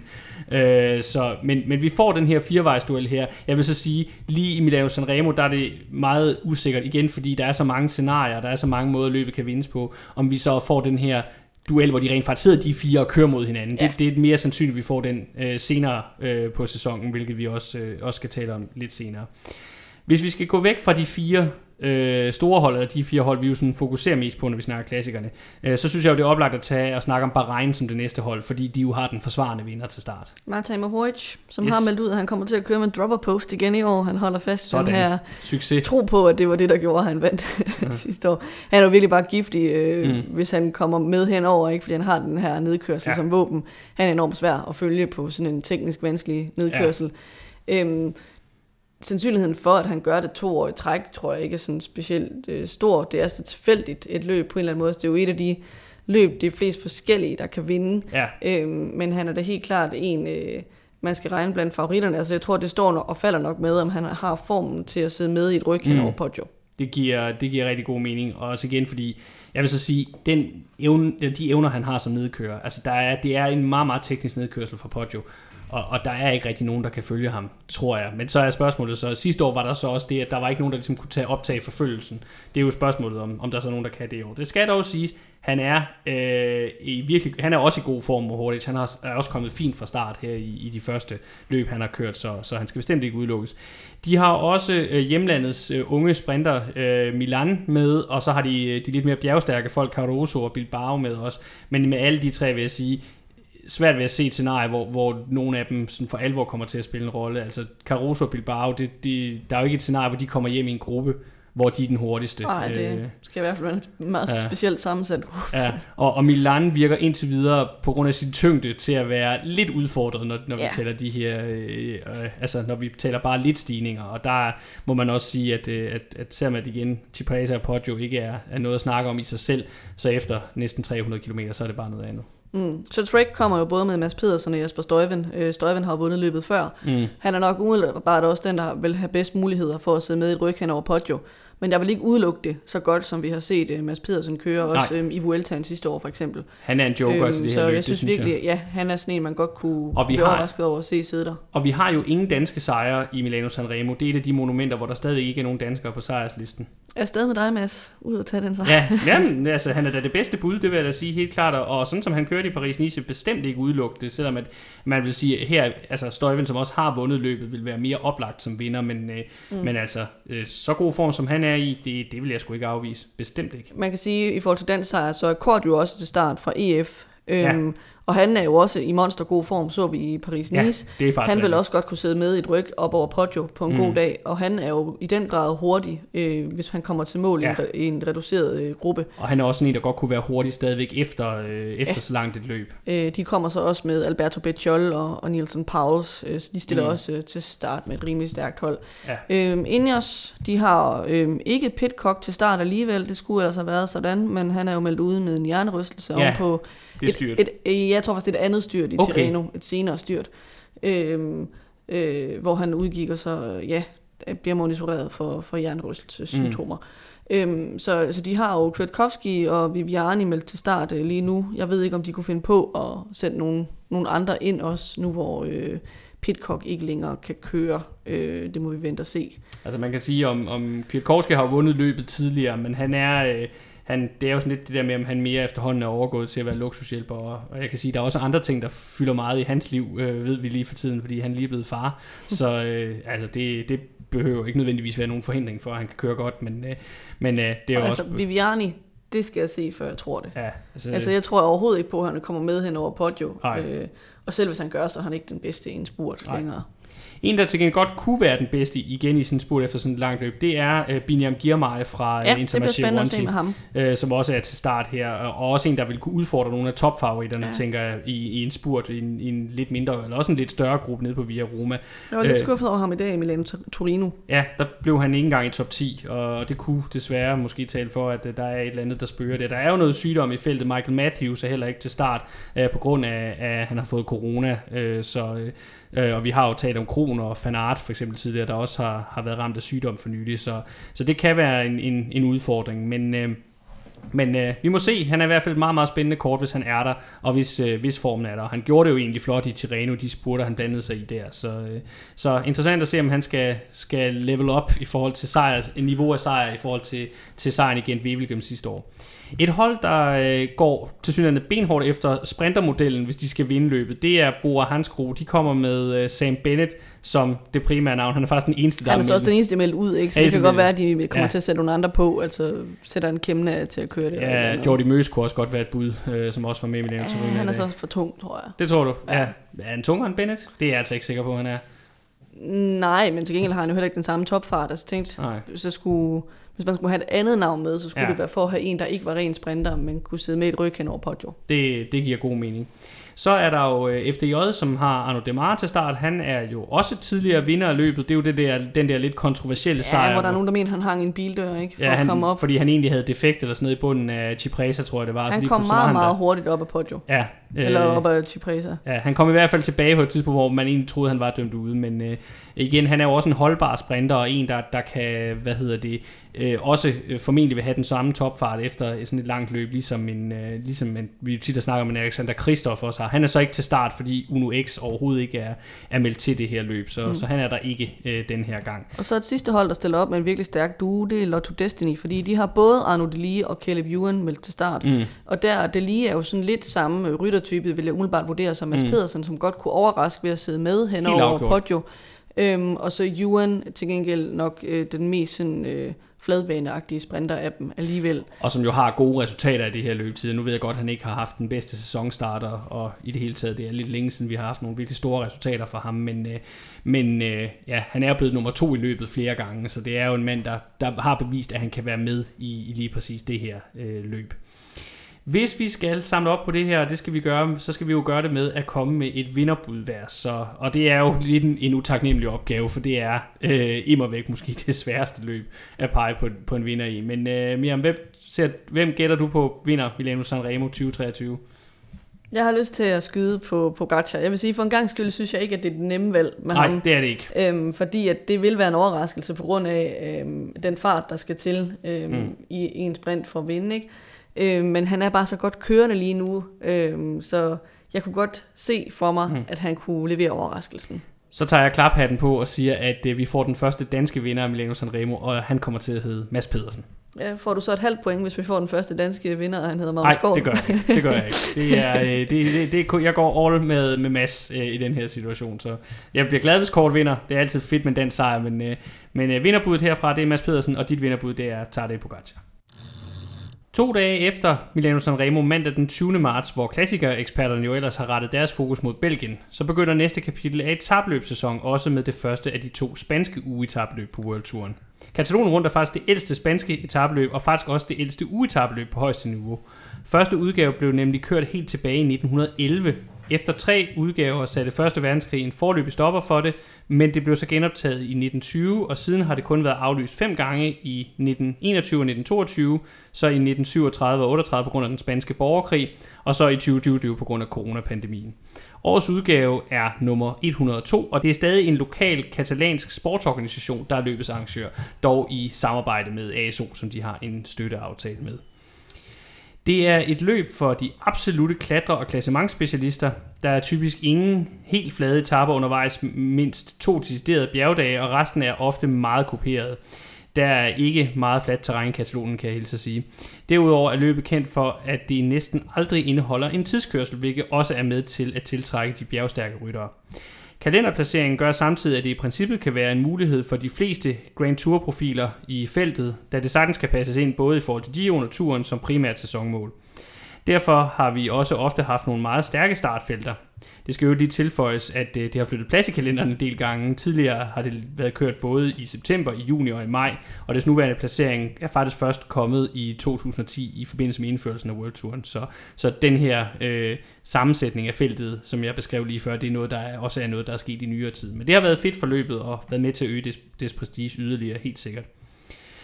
På trods af den lange historie, så var Katalonien rundt i lang tid primært et spansk foretagende, hvis vi kigger på vinderlisten. Frem til 1960 står hjemlandets ryttere for langt de fleste sejre, og det helt store navn i den sammenhæng var den lokale katalanske held Mariano Canado, der mellem 1928 og 1939 vandt løbet hele syv gange, hvilket stadig er rekord. Fra 60'erne og frem efter, så begynder verdensstjernerne som Anquetil, Merckx, Ocaña, Gimongi, Tevene og Moser at indfinde sig på vinderlisten. Øh, de to ryttere med flest sejre i moderne tid er dog også begge spaniere. Miguel Indurain vandt løbet tre gange i 1988, 91 og 92, og det antal nåede Alejandro Valverde øh, også med sejre i 2009, 2017 og 2018. Den forsvarende vinder er i øvrigt kolumbianske Sergio Igita. Hvis vi skal kigge lidt på årets rute, så byder årets udgave som vanligt på syv etapper. Det er som sagt der er som sagt ingen af etaperne, der er helt uden udfordringer, men især tre bliver formentlig afgørende. Allerede på anden etape, som går over 165 km, skal rytterne slutte på en af løbets klassiske stigninger, nemlig Valter 2000 i Pyreneerne. Den er 11 km lang og har en gennemsnitlig stigning på 7,6% Det er en afslutning, der har været på rutekortet rigtig mange gange, og det samme gælder øvrigt for målet på den lige over 180 km lange tredje etape. Her er det La Molina, der er målstigningen, den er 12,1 km lang og stiger med 4,3% i snit, og den er vel nærmest sådan Katalonien rundt stigningsmæssige varetegn. Og selvom at den ikke er lige så hård som uh, Valter 2000, så vil vi helt sikkert også se en intens duel på den her øh, legendariske scene for det her øh, uh, uetabløb. Det endelige slag om den samlede sejr, det skal dog nok slås på femte etape, der er lige over 178 km, hvor der efter et fladt indløb i deltaget omkring Ebrofloden skal sluttes med Mont Caro, en stigning, der er 8,4 km lang og stiger med 9% i gennemsnit. Øh, det er en stigning, der ligger i noget, der hedder Loport-massivet. Og der er flere passager på vej op ad den her stigning, hvor det altså stiger med 20%, altså sådan nogle virkelige ramper, øh, som, man kan, som man rammer ind i, og det er virkelig en, en giftig satan af en stigning. Den har også været et tabemål i Vueltaen tre gange, hvor den også har spillet en afgørende rolle, så det bliver noget af en udfordring for selv de skrabeste klatrere i, i feltet, det er der ikke nogen tvivl om. Herefter så bør klassementet være sat, men det skal nævnes, at vi før har set spændende ting ske på den klassiske afslutningsetappe inde i den katalanske hovedstad Barcelona, hvor der skal køres 6 omgange af 7,8 km, der alle inkluderer Montjuic-stigningen, der er 2,5 km lang og stiger med 4,6% i snit, men også når op på 19% undervejs og som i øvrigt også leder feltet forbi byens olympiske stadion fra lejene i 1992, øh, inden af vinderen kores. Nå, vi øh, skal jo kigge lidt på favoritfeltet her til Katalonien rundt, og øh, der må vi sige, at hvor at Paris-Nice som sagt blev lidt en opvarmning til turen og den duel, vi kan forvente der, så kan vi sige, at vi her måske får en forsmag på den duel, vi kan vente os i Giro d'Italia senere på året. Fordi hvis vi starter igen med Jumbo Visma, så stiller de jo til start med en øh, Primoz Roglic, der er brandvarm. Ja, og altså man kan sige, det, der jo adskiller det her løb fra noget af det, vi kommer til at se i Giroen, det er det her med, at der ikke er en enkelt start. Så ja. det er jo faktisk nogle, mange af de rytter, der til start er nogen, der plejer at have enkeltstarten som et våben. Mm. De kan bruge både en Grand Tour og et ugetabeløb til at grundlægge en sejr. Mm. Her kommer vi så til at se dem målt ud mod hinanden kun i bjergterrænet, og det tror jeg mm. faktisk bliver rigtig spændende. Øh, jeg forestiller mig umiddelbart, at de her bjergeafslutninger er guf for Primoz Roglic. Ja, det ligger godt øh, til ham. Det burde ligge rigtig godt til ham. Han kan også godt finde ud af at køre op i de her højder. Mm. Øhm, så jeg vil umiddelbart betragte ham som favorit med den form, han lige har vist mm. i Tirreno Adriatico. Det er jo, no, det er jo nogle øh, stigninger, som øh, altså netop er, er meget forskellige, sådan når vi ser på det. Altså vi har en, en Valter 2000, som navnet lidt signalerer, der gør, hvor vi kommer meget højt op. Øh, og så har vi så den her Mont Caro, som lyder til at være fuldstændig vanvittig mm. style. Øh, og, men ja. Roglic kan jo begge dele, det ved vi, han kan. Mm. Så det, det man kan sige om de her etapper, det er, at det er jo ikke sådan nogen, hvor de skal køre op og ned hele dagen. Nej, nej. Altså det, det er måske nogle mindre bjerge, eller et mm. fladt indløb, og så til, til en stigning til sidst, ja. øh, hvor det, man bliver udsat for i Given, kan jo godt være sådan noget med fem kæmpe bjerge på samme ja. dag, eller sådan et eller andet. Ja, det, det er så men i hvert fald tre, øh, ser, ser vi tit, ikke så, Så, så på ja. den måde, det er jo en anden type af, af bjergetapper, men mm. jeg tænker, at uanset hvad, så er det nogen, der ligger godt til, til Primoz Roglic. Øh, og så er det jo øvrigt øh, nogle af de samme ryttere, han skal køre imod, som han lige har øh, givet Jamen. køretur i Tirreno Adriatico. Men det bliver også dem, han skal møde i Gio'en. Altså, hvis vi ser på UAE i hvert fald, Så er det jo Almeida, øh, som kommer til at køre Giro d'Italia, og så Adam Yates, som også lige har kørt øh, Tirreno. Mm. Det er jo en lidt skuffende præstation af ham, blev han nummer 11 eller sådan noget. Ja, han endte uden for top 10 i hvert fald. Øhm, Almeida, det bliver spændende at se i jeg ved ikke, nogle lidt større bjerge, eller hvad vi skal sige. I hvert fald, øh, hvert fald nogle, godt kan han hænge på. i hvert fald nogle bjerge, som måske også passer lidt dårligere til ham, vil jeg tænke umiddelbart. Altså man kan sige, det, det bjerg, de Især kører den de, der med de 20% stigning. Ja, Moncaro tænker jeg kan blive en stor udfordring for ham. Om end han har vist lidt, øh, også i sådan nogle stejle afslutninger, øh, efter han kom til UAE. Det er noget der, hvor der er sket noget, efter han er kommet til UAE. Mm. Omvendt så kan han jo fint hænge i elastikken på sådan en som Valter 2000, og Ja. så køre sig op til sidst. Og La Molina tror jeg faktisk ligger rigtig godt til ham, hvis jeg skal, skal komme med, Så med det bliver i hvert fald med- spændende at se. Ja. Øh, dem kører mod hinanden over flere dage i bjergene. Ja. Øh, og ja, altså Adam Yates, der kan man sige, så noget stejl noget burde jo ligge godt til ham, men hvis formen ikke Mm. er der, så er den der jo Nej, så er den der ikke. Og så får han svært ved at spille en, en afgørende rolle. Så bliver det rigtig spændende med Ineos at se, hvor Jaron Thomas er henne, øh, nu hvor han er meldt til start. Ja. Øh, det samme gælder øh, Egan Bernal, Ja, som det er næsten endnu mere spændende, får synes sit øh, sæson comeback, efter han jo øh, har været ude med en knæskade. Mm. Øh, de har også australske Luke Plapp til start, som øh, har haft en fin øh, sæsonstart. Mm. Der vil jeg måske umiddelbart tro, at han vil få, altså det vil være lidt for stor en mundfuld for ham at skulle gøre Ja. sig øh, i det her løb, i det her terræn. Øh, men det bliver selvfølgelig øh, interessant at se. Mm. Øh, men mest af alt synes jeg, det er spændende at se, hvor Bernal og Thomas Ja. står henne. Jeg er så spændt på at se Bernal, fordi nu har vi ventet på det her comeback i lang tid. Det skulle have været i, i Ruta del Sol, så blev det udskudt. Så skulle det have været i Paris-Nice, så blev det heller ikke til noget.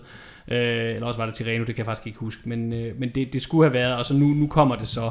Øh, og, og det er jo bare, også i forhold til, til netop perspektiverne for Ineos i turen til sommer, så bliver det bare enormt spændende at se, hvor, hvor står han egentlig, egentlig henne på nuværende tidspunkt. Det er svært at forvente noget af ham, men, øh, men øh, ja, det bliver, øh, det bliver det er jo fedt, at han overhovedet er tilbage på en cykel, når man tænker på det, han var udsat for øh, inden sæsonstarten sidste år. Men øh, ja, det, det er virkelig interessant at se, hvor står han henne øh, efter det, det lange fravær, han har været ude i.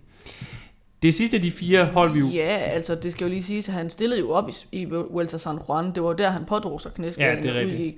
Der nåede vi bare ikke ligesom Der at er noget, vi ikke kan se noget. Det er få, også det. få det indtryk af, Ja. hvor han står henne. Ja, ja, jamen selvfølgelig. Men, men det er jo altså, det jo derfor, vi har ikke set det Ja. øh, endnu. Det sidste af de fire hold, vi fokuserer særligt på, når vi snakker etabløb, det er jo så Bora, men de stiller med et meget alternativt hold, må vi sige, til det her løb. Der er ikke nogen af de store øh, etabløbsprofiler umiddelbart, der er til start. Hverken øh, Hindley eller Vlasov eller heller Kemna, som vi lige så i Tirreno. Øh, og øh, det faktisk så øh, ser det ud til lige nu, at det primære klassementsnavn, og det er også sagt med forbehold, fordi vi stadigvæk ikke helt ved, hvad han er for en type af rytter, det er det unge belgiske stortalent Kian Uydebroeks, faktisk, der, der er deres sådan, primære navn, hvis man kigger på deres startliste. En gang den forsvarende vinder, Sergio Igita, øh, er med øh, for Bora, så det, det, det må jeg sige, det, det er lidt amputeret, eller i hvert fald et hold, hvor det er lidt svært at se, hvad for en rolle de egentlig kommer til at spille i det her løb. De har selvfølgelig ikke meldt det fulde hold ud endnu. Nej, Det skal tages med det det forbehold. skal tages med det forbehold Men, øh, selvfølgelig. Men, Det bliver da spændende at se, hvad uh, Sian Udebrox kan drive det til, hvis det bliver ham, der bliver kaptajn. Vi ved jo, at han gerne vil udvikle sig til at være klassementsrytter. Det er i hvert fald det, han har meldt ud, men altså, indtil videre må vi så også bare sige, at vi har ikke set, øh, vi har ikke set så meget fra ham i virkeligheden. Han er jo også stadig meget, meget ung, så det er, det er, øh, det er, øh, det er øh, et spændende projekt, men igen, det er svært at sige, hvad, hvad, det, øh, hvad vi skal forvente af ham i, i det her løb. En, vi til gengæld godt kan forvente noget af, det er ham, der kommer til start som øh, det helt store navn for Sudal Quickstep. Ja, Remco Evenepoel, og der bliver det jo spændende at se ham uh, målt ud imod Roglic i bjergene. Mm. Og jeg tænker, at det, der især bliver vigtigt for ham, det er at komme op og mærke de her højder op i, i Valter, 2, altså Valter 2000 Mm. højde, ikke? hvor vi kommer op i de her 2000 meters højde, som for nogle cykelryttere bare er skæringspunktet, fordi at der er nogle af dem, der får det rigtig svært, når man kommer op i så tynde luftlag. Mm. Øh, det er noget af det, han ikke blev testet vildt meget af i, i Vueltaen. Der var nogle enkelte dage, hvor man kom deropad, Mm. øhm, men der tænker jeg, at det bliver vigtigt at se, hvordan kommer det til at gå for ham. Jeg er egentlig også lidt spændt på at se, hvordan han, han klarer Moncaro. Altså, jeg, jeg er med på, øh, at han, det der med det stejle ikke nødvendigvis er svært for, om han vandt lige Bastogne Læge sidste år, så skal man kunne håndtere stejle procenter. Ja, det Men- gjorde han jo også i Vueltaen sidste år. Ja, det gjorde han også, det er rigtigt, men, øh, men det er bare, det, det, det virker virkelig til at være en, være en grum stigning, så, så det, det er altid spændende at se, hvordan rytter øh, reagerer på det. Ja, så så vi jo også i, var det i UAE-tur, han kom til at gå for dybt den ene dag. Nej, det kørte han måske ikke, det løb. Og det gjorde han, var det ikke det, han vandt? Øh, så var det nok ikke der, han gik for dybt. Der var, hvert fald et af de løb, han kørte tidligt på sæsonen, der valgte han at angribe rimelig tidligt øh, på en bjergetappe. Det har nok været Vuelta San Juan, så... Ja, det må det have været. Så, øhm, ja. Han vandt jo UAE Ja, øh, så har det nok været i San Juan, hvor han øh, mm. simpelthen kom til at overspille sin mm. kort. Ja. Øhm, og det skal han i hvert fald undgå her, ja. så, så han ikke kommer til at udstille sig selv over for, for igen mange af de rytter, han også skal køre mod Dion, fordi det, det er jo sådan noget, de vil være meget opmærksom på i, i det her løb også. Hvis vi skal gå videre til de lidt mere sekundære hold, så kan man sige, at Bahrain de stiller med to rytter, der begge to har lige har været i kamp i ugetabeløb, nemlig Michael Lander, som jo er lidt hjemmebanefavorit. Han er godt nok basker, så det er ikke, Katalonien er ikke hans hjemmebane, men, øh, men det er jo tæt på. Øh, og så er der jo så Jack Hague. Og man kan sige, at de to, der er jo ikke nogen af dem, der kom sådan altså i hvert fald, at man kan sige, Landa han blev nummer syv i Tirreno, jeg ved ikke om man sige, det var sådan vanvittigt imponerende eller vanvittigt skuffende, det var nok bare sådan cirka der, vi, vi må regne yeah. med, at han ligger. Han har jo den fordel i det her løb, der ikke er nogen enkelt start, det mm. ved vi jo bare, det, det, det hader han, når det er der. Uh, Hague blev nummer 10 i Paris-Nice og blev slået af Gino Meder, hans holdkammerat, så, yeah. så han har noget, han skal revancere lidt uh, ovenpå på en, måske lidt småskuffende sæsonstart, vil jeg sige. Så kommer vi til at se Carapaz i ilden for EF-holdet. Ja. Øh, han skal jo gerne gå ind og levere. Øh, det er jo det, de har købt ham til, kan ja, man sige. lige præcis. Øh, og med fin opbakning fra Chavez og Oran, så de sender helt klart et hold, der, det er sådan, kæden, der, kommer der, der viser, at øh, de vil gerne øh, være med. Det vil de. Øh, de vil gerne vinde. Ja, og så det bliver også meget interessant at se ham øh, i, i, op, igen målt op mod, øh, mod konkurrenterne her. Altså han skal jo så vist nok ikke til, til Giro d'Italia. Hans sæsonmål, det er, det er turen, som mm. jeg husker. Øh, så, så det er jo ikke dem her, det er jo ikke de her rytter, han skal kunne måle sig direkte op imod til sommer, men øh, det, det er, han har ikke, han har jo ikke kørt rigtig noget i år endnu Nej. for sit nye hold, så det bliver også bare øh, fedt at få en, en forsmag på, hvor står han henne, mm. øh, også så vi måske kan få et billede af, hvad vi kan forvente af ham senere på sæsonen. Hvis vi lige skal nævne et par outsider, så kommer Romain Bardet fra DSM, han så ud til at være fint nok kørende i Paris-Nice, uden at det var prangende, lidt sådan kan man sige det samme som med Lander. Øh, også et løb, der passer ham fint, fordi der ikke er nogen enkelt start. Uno X stiller op med det unge talent Tobias Halland Johannesen, som kom øh, fint i gang med sin professionelle karriere sidste år, men uden at vi sådan har set det mm. store gennembrud. Og så som øh, har haft lidt øh, vanskeligheder her i sæsonstarten. Han har meldt afbud til nogle løb. Jeg tror også, der har været noget sygdom Jamen, det kan godt være, det er det. Ja. det ved jeg ikke. Øh, men i hvert fald øh, stiller de med, med ham. Og øh, Israel kommer med Froome og Woods, ja. de to aldrende herrer. The golden oldies. Øhm, men øh, jeg synes faktisk, Woods lignede en, der var i fin form i Tirreno. Han er selvfølgelig ikke en, øh, der kan køre med om sejren, fordi han er jo ikke decideret bjergrytter. Nej. Øhm, men øh, han kunne måske være i spil til at tage en etape sejr. Det er også på en af de dage, der ikke handler så meget om det samlede klassement, vil han bestemt være i, i spil. Det var øh, opvarmningen til årets første øh, spanske ugetabløb, som jeg vil sige, jeg var faktisk, øh, synes, det var meget spændende at læse op på det her løb og dets historie. Jeg var ikke klar over, at det var så gammelt, og faktisk var meget ældre end både, øh, Baskerlandet rundt, men også Vueltaen, end, end det er, og faktisk er et af de ældste etabeløb på World Touren i det hele taget. Øh, jeg tror kun, at det er faktisk de under turen, der er ældre end, øh, end Katalonien rundt. Så, så det har været, været fedt lige at dykke lidt ned i. Vi skal selvfølgelig slutte af med igen at komme med et vinderbud hver, øh, og du får som sædvanligt lov at lægge ud, hvem tror du vinder Katalonien rundt 2023? Mm, jamen, så er spørgsmålet jo, hvor kedeligt man skal være. jeg vil sige, nu, nu, nu, spil, nu var det jo lidt satset før, vi kan godt tillade os at være lidt kedelige. Ja, igen, altså, åh, så skal jeg jo vælge mellem Roglic og Vindepol. Synes, ruten ligger bedre til Roglic, så jeg går med Roglic. Du går med Roglic. Ved du hvad, så tager jeg uh, Remco i Vindepol. Remco, så kan det lige passe, at uh, Almeida går ind og vinder, eller Banal. ja, det kunne, det kunne ligne. Øh... Men, uh, ja. men uh, vores uh, vinderbud er i hvert fald Primus Roglic for dit vedkommende, og for mit vedkommende er det Remco i Vindepol. Mens at etabeløbsrytterne dyster under formentlig fine vejr- og temperaturforhold i Katalonien, så skifter klassikerspecialisterne i den grad fokus efter den lange, men uproblematiske tur frem mod finalen på Via Roma. Ugen efter Milano Sanremo begynder World Tour-delen af brostenssæsonen for alvor. Indtil det her tidspunkt, så er det eneste brostensløb, vi har haft med World Tour-status, det, der er blevet afviklet, det er jo omløb, som var i åbningsweekenden. Ellers så har brostensløbene været noget, der har foregået på lavere niveau. Men nu indfinder det vanskelige underlag sig for alvor på World Touren. Det begynder allerede onsdag den 22. marts med Classic Brygge de Panne. Det løb vil vi så ikke bruge så meget tid på at varme op til, fordi det kan gøres meget kort. Det ender i en spurt, og det mest spændende indtil da, det er, øh, at de ikke kører ind i alle de der heller og stolper og sådan noget, der øh, normalvis ligger på de sidste kilometer og står på uheldige steder på ruten. Jeg er ikke særlig vild med det løb, heller også på grund af planlægningen, det må altså bare være ærlig at sige.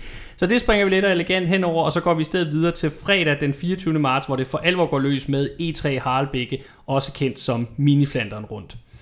Der er tale om et klassisk flamsk brostensløb, der blev kørt for første gang i 1958. Løbets navn stammer fra den tidligere betegnelse for den transeuropæiske motorvej mellem Stockholm og Lissabon, Europavej 3, forkortet E3, og den belgiske del af den her motorvej, den løber så mellem Antwerpen og Kortrijk. Harlbeke er en forstad til Kortrijk, og det er fortsat en lokal non-profit organisation fra denne by, der står for at arrangere og afvikle løbet.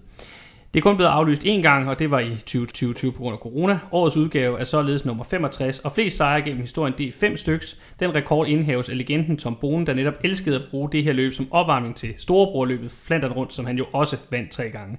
Forsvarende vinder af E3 Harlbække, det er Wout van Aert, der også er til start for at forsvare sin titel. Hvis vi dykker ned i ruten, så må man sige, at det ikke er noget tilfælde, at det kaldes for mini-Flandern rundt. Ruten starter og slutter i Harlbække, men, men benytter sig ellers af det klassiske cykelområde i de flamske Ardenner, der også danner rammen om selvfølgelig det store flamske monument Flandern rundt, men også de fleste af de øvrige belgiske brostensløb, såsom Omlop og Kyren, som jeg allerede har kørt, og så også Dvarstor Flanderen, som kommer senere på sæsonen. Når E3 særligt forbindes med Flandern rundt, så skyldes det dog også, at der også i høj grad er et overlap mellem de stigninger, der er på ruten i de to løb. Minibetegnelsen kommer så ind i billedet, fordi E3 med en længde på kun lidt over 200 km er noget kortere end både monumenterne, men også mange af de andre større klassikere. Mm, så er det jo også bare mini, fordi at det ikke er et monument. Det kan man også sige, men det er, jeg tror også, der ligger noget i det der med, at det er bare ikke helt så langt. De fleste af monumenterne er jo over 150 km eller 150 km eller længere. 250 mener du? Ja, 250 km eller, eller længere, og, og der er også mange af de større klassikere, for eksempel Gent Wevelgem, som vi vil snakke om øh, efter det her, som også har den længde, men E3 er altså de her cirka 200 km. Rundturene i de flamske Ardenner begynder cirka halvvejs i løbet. På det tidspunkt er der kun tre af de løbes i alt 17 stigninger, samt tre af de fem flade øh, brostenspavéer, som er blevet besejret. Og langt størstedelen af rutens udfordringer ligger således altså inden for de sidste 100 km. Blandt de stigninger, der skal forseres af klassiske navne for den her del af Belgien, som Kruisberg, Hotond, Kortekær, Teinberg og Eichenberg, men finalen begynder først for alvor med cirka 50 km til mål. Her skal de først over Kapelberg, der er 750 øh, meter lang og har en gennemsnitlig stigningsprocent på 7,1 og stiger med 14, hvor den er værst. Hvorefter vi så får den klassiske finale kombination fra Flandern rundt af Paterberg, der jo er de her lige godt 300 meter, stiger med 12,9% i snit, og så er 20,3, hvor den er værst. Og så Ode Kvartemont, der er 2,2 km lang, stiger med 4% i gennemsnit, og er på 11,6, når den er værst. Men det, der er sjov her i, øh, i e 3, det er, at vi får dem i omvendt rækkefølge. Altså, vi kører Paterberg først, og så Ode Kvartemont bagefter. Og så kommer de øvrigt med, med cirka 40 km til mål øh, fra toppen af, af sidstnævnte, altså Kvartemont. Så der er noget længere ind til målstregen fra dem øh, i det her løb. I øvrigt så er der en lille interessant øh, og lidt nørdet forskel i forhold til Flandern rundt her, som er, at i 3 der er afløbsranden af beton, der løber langs Paterbergs brosten. Den er ikke blokeret af en afspærring, hvilket gør, at vi vil se nogle rytter køre ud i den her rande, for at slippe for at køre brosten øh, så meget som muligt af turen op i den her meget korte, men meget, meget stejle stigning. Efter Kvartemont så venter endnu to stigninger, som er på asfalt og en pavé. Øh, det er stigningen Karnemælk Beekstrat på 1,5 km med 4,9% i snit og 18% når den er værst. Der kommer med ca. 30 km til mål. Så er der øh, brostenspavéen Vardent, der kommer med ca. 25 km tilbage. Og så er der så den traditionelle sidste forhindring i form af Tigenberg, der er 750 meter lang, øh, stiger med 5,6% i gennemsnit og er 9%, hvor den er værst. Og efter den, så er der så de sidste 20 km tilbage mod Harlbække, som alt overvejende er flade. Men feltet vil på det her tidspunkt formentlig være splittet i, i mange mindre favoritgrupper, som vi så vil se jagte hinanden ind mod målbyen, og hvor rytterne så vil slås om at få den bedst mulige generalprøve til det, slo, til det store slag, der venter ni dage senere. Mm.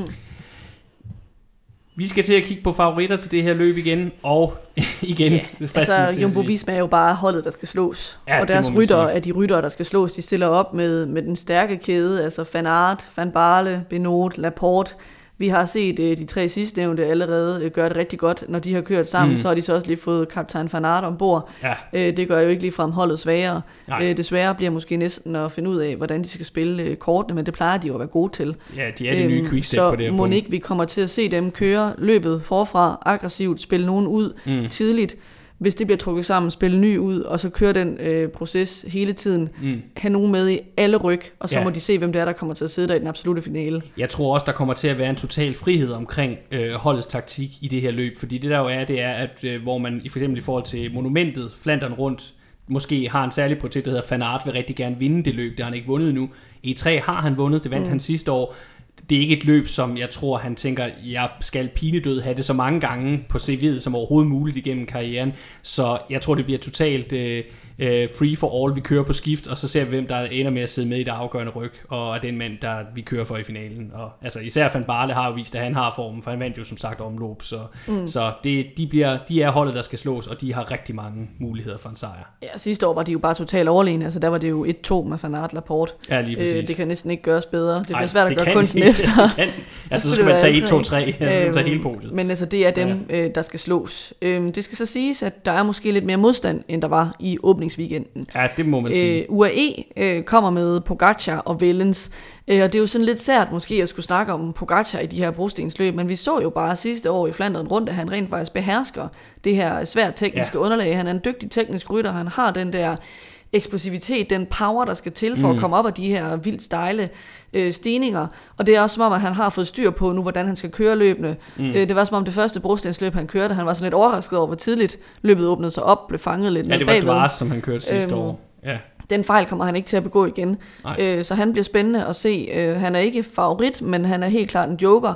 Øh, og hans holdkammerat øh, Tim Vellens, øh, synes jeg man kan sige, nogle af de samme ting om, altså selvfølgelig en helt anden ryttertype, altså jeg ser ham ikke som, som topfavorit, men omvendt er han sådan en, man bestemt ikke skal afskrive. Han kunne godt... Og kom øh, godt fra start altså, i åbningsweekenden. Være en overraskelse. Det, det, virker til at været godt for ham at skifte hold, synes mm. jeg. Jeg synes, at det er en rigtig, rigtig flot sæsonstart, han har haft indtil videre. Så har Sudal Quickstep jo opgraderet lidt. Øh, de har fået øh, de to A'er til start af Filippo og Askagen, øh, sammen med Lampere og Senechal. Øh, de to øh, savnede de jo virkelig der, synes jeg man må sige, i åbningsweekenden. Mm. Øh, så det bliver jo spændende at se, om de sådan kan stille lidt mere op imod Jumbo Visma, når mm. de har de to til start. Og så også at se, øh, hvor godt øh, står det til med formen, ikke? Fordi mm. Det har jo set det blandet ud med Alaphilippe. Ja, det må man sige. Jeg synes, Askren viste nogle øh, positive ting, især i det Samin så han øh, rigtig, mm. rigtig godt ud for, for et par uger siden, men, øh, men øh, så, så jeg synes bestemt, vi skal regne Quickstep med i det her, men især Ala Philippe er virkelig et spørgsmålstegn, øh, synes jeg, også sådan som formen har set ud indtil nu. Og det samme kan man måske jo, apropos det vi allerede har snakket lidt om, Alpecin, ikke? Ja, ja og, og der Pol, fordi at, at selvfølgelig en der Pol på toppen, så vil det være fantastisk det her, og, og vi får jo og her får vi jo virkelig, og det er det fede ved, Pogacar har jo meldt sig til start rimelig sent her, men det gør jo, at vi at, at E3 i år virkelig bliver generalprøven på det helt store slag i den her firevejsduel, fordi alle de fire, som også vil være til start i Flandern rundt, Fanart, Pogacar, eller Philippe, Van der Poel, de vil også være til start her i E3. Og, og det, på papiret kan det jo love for et fuldstændig fantastisk cykelløb, en helt fantastisk intens duel. Men igen, både med Alaphilippe og så altså også med Fantapol, der der er der bare lidt nogle spørgsmålstegn, sådan som, som de har, har kørt i de løb, de har været til start i indtil videre. Sådan ser jeg det i hvert fald. Igen, det er selvfølgelig også spændende med Hermans og Krav, men selvom at, at Alpecin jo har fået hul på, på bylden i forhold til sejre med Philipsens to etappesejre i Tirreno, så mangler de jo stadigvæk at få succes i klassikerne i år. Det har de jo altså ikke leveret indtil nu. Så, øh, så meget, meget spændt på at se, hvad de kommer ind med, men, men håber selvfølgelig på, at det bliver en, en Van der Pol i topform, og også i øvrigt en Alaphilippe øh, i bedre form, i bedre mm. tilstand, så vi får den her fantastiske, intense firevejsduel, en fantastisk generalprøve på et forhåbentlig øh, endnu mere fantastisk Flandern rundt om, øh, der så kommer ni dage efter. Ja, så måske lige nævne, at Askren jo faktisk udgik af Paris-Nice, så vi må håbe, at han øh, ja. er på toppen Men det gjorde Mads P. også. Jeg tror mere, det er sådan et udtryk for, at øh, der er alligevel ikke mere at køre efter, så der er ikke nogen grund til. Det var der jo mange, der gjorde det de sidste par dage af, af Paris-Nice. Det, det, jeg har i hvert fald ikke hørt noget, der gør, at jeg synes, vi skal lægge for meget i det, at han er udgået. Øh, så lad os gå videre til øh, nogle af de andre hold, der kan være værd at nævne i forhold til E3. Der er igen Bahrain, de har Mohoric til start, og også Fred Wright, der jo gjorde det rigtig fint i Flandern rundt sidste år. Så yes. en interessant duo, synes jeg. Og så Trek kommer jo med den samme duo, som vi har snakket om øh, mm. til Sanremo, øh, Mads Pedersen og Jasper Støjven, begge to øh, farlige bud, der godt kunne tænke ja. sig at sidde med. Altså især Mads P. igen, tænker jeg, sådan som han kørte i Paris-Nice, så kunne han godt være det femte led i kæden i forhold til den der topduel. Ja. Altså jeg ser ham, hvis han stadig er i så god form, hvis han holder niveauet, så ser jeg ham næsten som værende lige så farlig, som, som de fire, vi ellers taler mest om i forhold til det her. Og et rigtig godt bud på en dansk sejr i, i løbet her. Det bedste bud på en dansk sejr i løbet. Ingen tvivl om det. Støjven lidt mere usikker. Vi synes ikke, vi har set så meget fra ham endnu, men øh, det er jo også det her, der er hans speciale, og her, hvor han plejer virkelig at, at slå mm. til. Og det er ikke, fordi han har fået en dårlig sæsonstart, så, øh, så han, han, han skal heller ikke udelukkes. Så man kan sige, selvom Mads P. er i kanonform, så ligger løbet her nok lidt bedre til Støjven, fordi der jo er så mange stigninger, som der er. Ja, Det gør det jo nok sådan på papiret i hvert fald. Ja. Men øh, meget handler jo også om, øh, hvad dagsformen mm. siger. Så synes jeg jo, at Ingers har et spændende hold, fordi de også. har jo meldt øh, både Magnus Sheffield og Kwiatkowski, og så også Ben Turner, der jo øh, udgik med styrt i omløb Mm. øh, til start. Øhm, Sheffield synes jeg er en interessant rytter, også fordi at det stadig er sådan lidt uklart, hvad for en ryttertype han er, synes ja. jeg. Altså sidste år slog han jo igennem med lidt forskellige resultater. Altså han, øh, han vandt øh, Brabantse Pejl, som jo er det her sådan mellemløb, der markerer overgangen fra brosten til Ardenner. Mm. Og så blev han nummer to samlet i Post Danmark rundt, øhm, som jo er sådan... Ja, det er jo på den ene side et, et etabeløb, men jo ikke et, hvor man kører vanvittigt meget opad. Nej, men hvor vi Øhm, jo har den der vejle etape ja. hvert år, som... Øh, Øh, så ja, på den måde kan man sige, at det minder lidt om noget af den her terræn. Han blev Ja. nummer 6 i Tour of Norway. Så det er sådan lidt, øh, altså sådan på vippen mellem, skal man se ham som den rytter, eller en, der kan køre nogle ugetabløb uden så mange bjerge, eller er han klassikerrytter. mm, Øhm, øh, han har jo lige kørt, øh, var det Tirreno, hvor det ikke sådan så specielt prangende ud, øh, når det gik op ad bakke. nej, Øhm, så umiddelbart kunne det måske pege i retning af de andre ting, ikke? Øh, mm. Så Mhm. det bliver spændende at se, øh, hvad, han, øh, hvad han kan udrette. Og så Ben Turner, der bliver det jo bare interessant at se, hvor meget han sat tilbage af det her styrt, fordi han var jo i knaldgod form på vej ind mm. i åbningsweekend, men nu har han jo så været ude nogle uger. mm, Øh, jeg synes, det er imponerende hurtigt, han er kommet tilbage, øh, hvis det står til troende, at han kommer til start. Mm. Øhm, men så må vi jo se, hvad for en form han er i. ja, det, det, det, han, er, han er et wildcard. Det, det er meget svært at sige, hvor, hvor han står henne, netop med, også med, at han kommer fra en, fra en skadespause.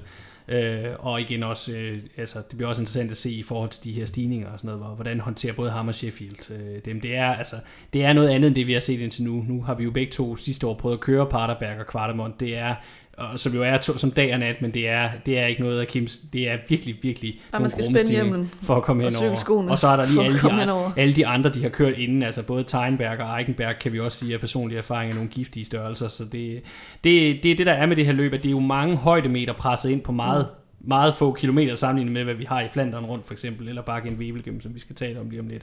Så det, det, er, det er en udfordring. Hvis vi skal gå videre, så er der jo FDJ, og det er jo så igen en interessant duo, de kommer med. Altså Stefan Køng, egentlig kommet fint fra start også i år, og brød jo igennem som brostensrytter sidste år. Altså igen, øh, det der er med ham, det er sådan lidt den samme historie, synes jeg stadigvæk, som, øh, som der var med Sepp van Marke altid i gamle dage. Man, man har svært ved at se et scenarie, hvor han kommer alene afsted, og næsten uanset hvem det, de andre, vi har nævnt, han så kunne komme til mål sammen med, så ser man ham bare ikke vinde en spurt mod Nej, nogen af han er ikke så hurtig. Øh, der, der, er der nok, har jeg nok lidt mere fidus til Valentin Madouas, som jo virkelig brød igennem som brostensrytter sidste år, og har lidt mere et kick, mm. end, end Køng har. Men øh, igen, altså... Øh, De må vist betragtes som joker. ja, det er, det er, det er podiekandidater, men, men ikke... Jeg, jeg har svært ved at se dem vinde, øh, mm. nogle af dem. Også gode kandidater til top 10. Til gengæld, så vender vi igen tilbage til Wanty nu, og, og til Binyam Girmay, sidste års vinder af Gent Wevelgem. Fordi han har jo en spurt til gengæld, og han viste jo sidste år, at han, han blev, kørte faktisk også top 10 i det her løb sidste år. Øh, mener han da, han kørte top 5 faktisk i virkeligheden. Så han er jo en rytter, der har vist, at han kan sidde med i finalen mm. øh, i det her øh, i, Jeg vil sige, det jeg er lidt i tvivl om, hvor god form han er i lige nu. Altså nu sagde jeg før, jeg var lidt skuffet over hans kørsel i dag i Milano Torino, men også i Tirreno så vi jo, at han måtte strække gevær på de her stejlere øh, stykker. Men han var den sidste, der strak gevær. Ja, ja, men han var der jo. Altså, det var selvfølgelig også nogle andre ryttere, han var op imod. Altså, der er den Roglic, man skal ligge og duellere ja. med der. Men øh, jeg, havde, jeg havde regnet med, at han kunne sidde med på nogle af de der Mm. etapper, hvor, hvor det var sådan lidt øh, stejl mur-agtigt, Mm. øh, uden at han gjorde det. Så jeg synes, det er der, sådan blev lidt, også sat, der blev sat meget lidt hårdt tvivlsomt, hvor god form han egentlig er i. Ja. Øh, Tønnesen er jo også til start, hans holdkammerater, han kom jo rigtig fint i gang i åbningsweekenden, der med 11. pladsen i omløb, og også blevet nummer 8 i Mm. Løsamin. Øh, han havde så heller ikke noget sådan specielt opsigtsvækkende til Reno, øh, og udgik i øvrigt i dag af Ja. Milano Torino. Øhm, så de, de er joker, synes Ja, jeg. det- Vi ved ikke helt, hvor de står henne. Men Jeg skal lige sige, at Girmay blev altså nummer 5 sidste år i E3. Godt nok efter, at han også havde siddet i udbrud i lang tid, men, men det var jo det splittede meget tidligt sidste år, så jeg synes, han har bevist, at i hvert fald, når løbet ikke er længere end det er, så kan han, gå, her, så kan han godt være med i det her terræn. Det er ikke, stigningerne er ikke for, for slemme for ham i udgangspunktet, men formen er selvfølgelig et spørgsmålstegn. Det sidste hold, jeg lige synes, vi skal rundt om, det er så ikke 2R, og, og det er, ja, det, det er måske lidt, bare fordi jeg godt lige vil have lov at snakke om det her, at det, det er jo øh, holdet med de her rytter, Van Avermaet og Næsen især, som, som igennem nogle år efterhånden ikke har levet op til forventningerne, og det gjorde de altså heller ikke i åbningsweekenden. Vi så Van Aert prøve at køre på sin yndlingsstigning Berendries, men ellers så vi ikke noget til dem. Og igen er spørgsmålet nok, om ikke det er Benoit Cosnefroid, der er deres bedste kort, men han kører jo så brosten for første gang i karrieren i den her sæson. Så det er også igen, det er virkelig joker til måske bare en top 10, vi ja. taler om her. Det, det er i hvert fald uh, svært at sige. Men altså man kan sige, hvis, hvis Van Avermaet, han skal overbevise sig om, at der er mere, så er det nok nu, du skal være. Men uh, ja, jeg, jeg tvivler på det. Jeg ved ikke, hvordan du har det. Det, det. det er svært at forestille sig, at det ikke er slut. Sådan har jeg det i hvert fald lige nu. Ja, det, jeg bliver overrasket. Øh, ja. Især hvis vi ser næsen. Hvis vi ser næsen køre i top 10, bliver jeg overrasket. Ja. Øh, Van Avermaet kan jeg godt se køre i top 10, men jeg tror ikke på, at han kommer Ej. til at være nærheden af at kunne vinde. Og Kostner fra mangler måske erfaring. Det er nok det, der Ja, og jeg synes heller ikke, at han har tyngden til at køre de der brosten. Det må, ja. Der må han jo så få lov at overraske os. Ja. Øh, fordi det har vi jo sagt før, men ja. umiddelbart, altså, ja. han vejer 65 kilo ikke, altså, ja. han er bjergrytter af statur umiddelbart det, mere, det, end han er, han, han det er nok mere tærdinderne, øh, han skal satse på.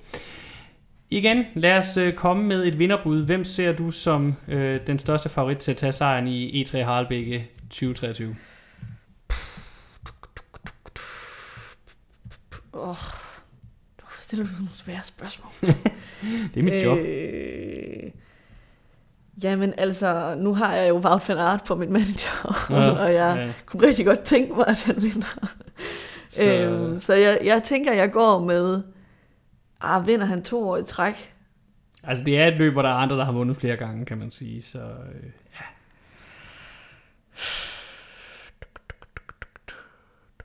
Jeg siger van Aert. Ja, Super. Boom. Så vil jeg tage en chance her, og, fordi nu har du dømt ham ude på formen, så jeg siger, at øh, Binyam Girmay, han leverer overraskelsen og tager uh, sejren i, i E3 Harlebæk. To dage efter E3, som det hedder så søndag den 26. marts, er det så tid til det brostensløb, der er det mest prestigefyldte, hvis vi ser bort fra monumenterne. Gent Wevelgem, eller Gent Wevelgem in Flanders Fields, som er løbets officielle titel, har en historie, der går helt tilbage til 1934, og på nær krigsårene 1940-1944, så er løbet blevet afholdt hvert eneste år siden dets indstiftelse. Det gør jo at årets udgave til nummer 85. Det arrangeres i dag, ligesom de fleste andre World Tour brostensløb i Belgien, af Flanders Classics, der også blandt andet står bag Flandern rundt. Det er et løb, der gennem tiden har ændret karakter en del gange, hvilket også afspejler vinderlisten, der oprindeligt var domineret af klassikereksperter, men som især gennem 90'erne og 00'erne blev næsten overtaget af sprinterne. De seneste år er billedet dog igen blevet mere blandet. Den skiftende karakter er muligvis også en del af forklaringen på, at ingen ryttere har vundet løbet mere end tre gange i alt i løbet af karrieren. Rekorden den deles af seks ryttere. Robert van med, det navn havde jeg også svært ved at sige sidste år, Rick van Looy, Eddie Merckx, Mario Cipollini, Tom Bonen og Peter Sagan. Forsvarende vinder er Binyam Girmay, der sidste år slap væk på strækningen mellem Iper og målbyen Wevelgem sammen med tre andre ryttere, som han endte med at spurtbesejre i finalen på trods af, at det var stærke navne som Christoph Laporte og Jesper, Støj, Jesper Støjven, han var oppe imod. Ruten ligner stadig sig selv i forhold til de seneste udgaver, og men den om muligt er blevet endnu mere fokuseret omkring det område, der efterhånden virkelig er blevet løbet særkende. Den er her i 2023 lidt længere, 260 km lang i alt, og skiller sig fortsat ud fra Flandern rundt og de andre belgiske brostensløb, der jo alle benytter det samme område, de samme stigninger, fordi det er et rent vestflamsk løb. Altså det køres udelukkende i Vestflanderen, hvor det meste af de øvrige løb foregår i det, der hedder Østflanderen. Starten går for fjerde år i træk i Iper, eller Ipra, og altså ikke igen, som løbets navn ellers kunne indikere, og rytterne sendes afsted fra krigsmindesmærket Minenport, og så køres der efter en kort rundtur omkring Kortræk, ellers først ud mod den belgiske Atlanterhavskyst, som feltet dog ikke kommer helt ud til, og nu hurtigt vender sig væk fra igen, for så at køre mod syd langs den fransk-belgiske grænse. Feltet bevæger sig dog ikke længere ind i Frankrig, som man gjorde tidligere, og det der hedder fransk Flandern, og i denne fase af løbet er det så øvrigt vigtigt at være opmærksom på sidevind, som kan være en interessant faktor, der kan spille ind og påvirke, hvordan finalen også kommer til at se ud. Efter 150 km når feltet frem til Røvland-regionen, hvor alle rutens stigninger er placeret. Der er tale om fire stigninger, der i, flere af, der i alle tilfælde skal forseres flere gange, så vi alt kommer op på ni opkørsler. Især en af forhindringerne spiller en alt dominerende hovedrolle, selvom at Scherpenberg, Banneberg og Monteberg ikke er kimsage. Fokuspunktet er dog Kemmelberg, der er Røvland-regionens højeste punkt og i øvrigt var en af de mest brutale skuepladser for kamphandlinger under 1. verdenskrig. I moderne tid er den stejle og cirka 1 km lange brostensbelagte stigning blevet gennem Wevelgems varetegn, og den er ligesom de sidste og den skal ligesom de sidste tre år forseres tre gange. De første to gange fra den ganske udfordrende østside, hvor den i gennemsnit stiger 6,6% og rammer 16%, og det er allerstejligst. Men den virkelig definerende opkørsel dog den sidste, hvor man kører den rigtig giftige vestside. Her stiger den med 10,10% i snit og rammer 22%, når den er værst. Og jeg kan bare sige af personlig erfaring, det er noget af det værste, jeg nogensinde har kørt op af. Hold da op, hvor føler man, at man rammer en mur, der går lige direkte op i himlen, og så på brosten. Aui, aui, aui. Det, øh, det gør jeg. Det gør Nas. Det er høvlandstigningerne, der skal bruges af klassikereksperterne, hvis de skal iscenesætte sig selv som mulige vindere. Dog skal det nævnes, at ruten i de seneste udgaver har inkluderet tre såkaldte plugstraits, en slags vanskelige gruspavéer mellem den første opkørsel af Kemmelberg og den anden opkørsel af Monteberg, som også har været med til at gøre løbet hårdere og samtidig også retfærdiggøre betegnelsen brostensløb øh, lidt yderligere. De eneste regulære brosten ud over de her plugstraits, det er faktisk dem, der er på Kemmelberg. Fra sidste passage af netop Kemmelberg venter der så tradition tro fortsat 34 km via Iper, Ypres til målstregen på Varnækker Strat i Webelgem. De 34 km plejer at indeholde et fremragende forfølgelsesløb, hvor sprinterne og de lidt tungere ryttere forsøger at hente de lettere inddagsspecialister, der ofte har reddet sig løs. Og her kan det jo sige, der kommer vinden også til at spille en meget øh, central rolle, om der er medvind, modvind eller sidevind. Det bliver meget afgørende for den her fase af løbet. Det er med til at skabe drama helt frem til den endelige finale, hvor vi ofte ser en gruppe af favoritter afgøre det imellem sig i en reduceret sprint på opløbsstrækningen. Nå, inden vi skal til at snakke favoritter til det her løb, så skal vi lige sige, at det er altså et løb, som på nuværende tidspunkt ligger cirka 10 dage ude i fremtiden, og det gør altså, at der er en del øh, eller der er en del hold, der ikke har offentliggjort ret mange navne til det her løb endnu. Også fordi det er et løb, der har en noget anden karakter end E3 for eksempel, og man derfor ikke en til en bare kan sige, det er så de rytter, som også mm. vi vil se i Flandern rundt, der kommer til at gøre sig.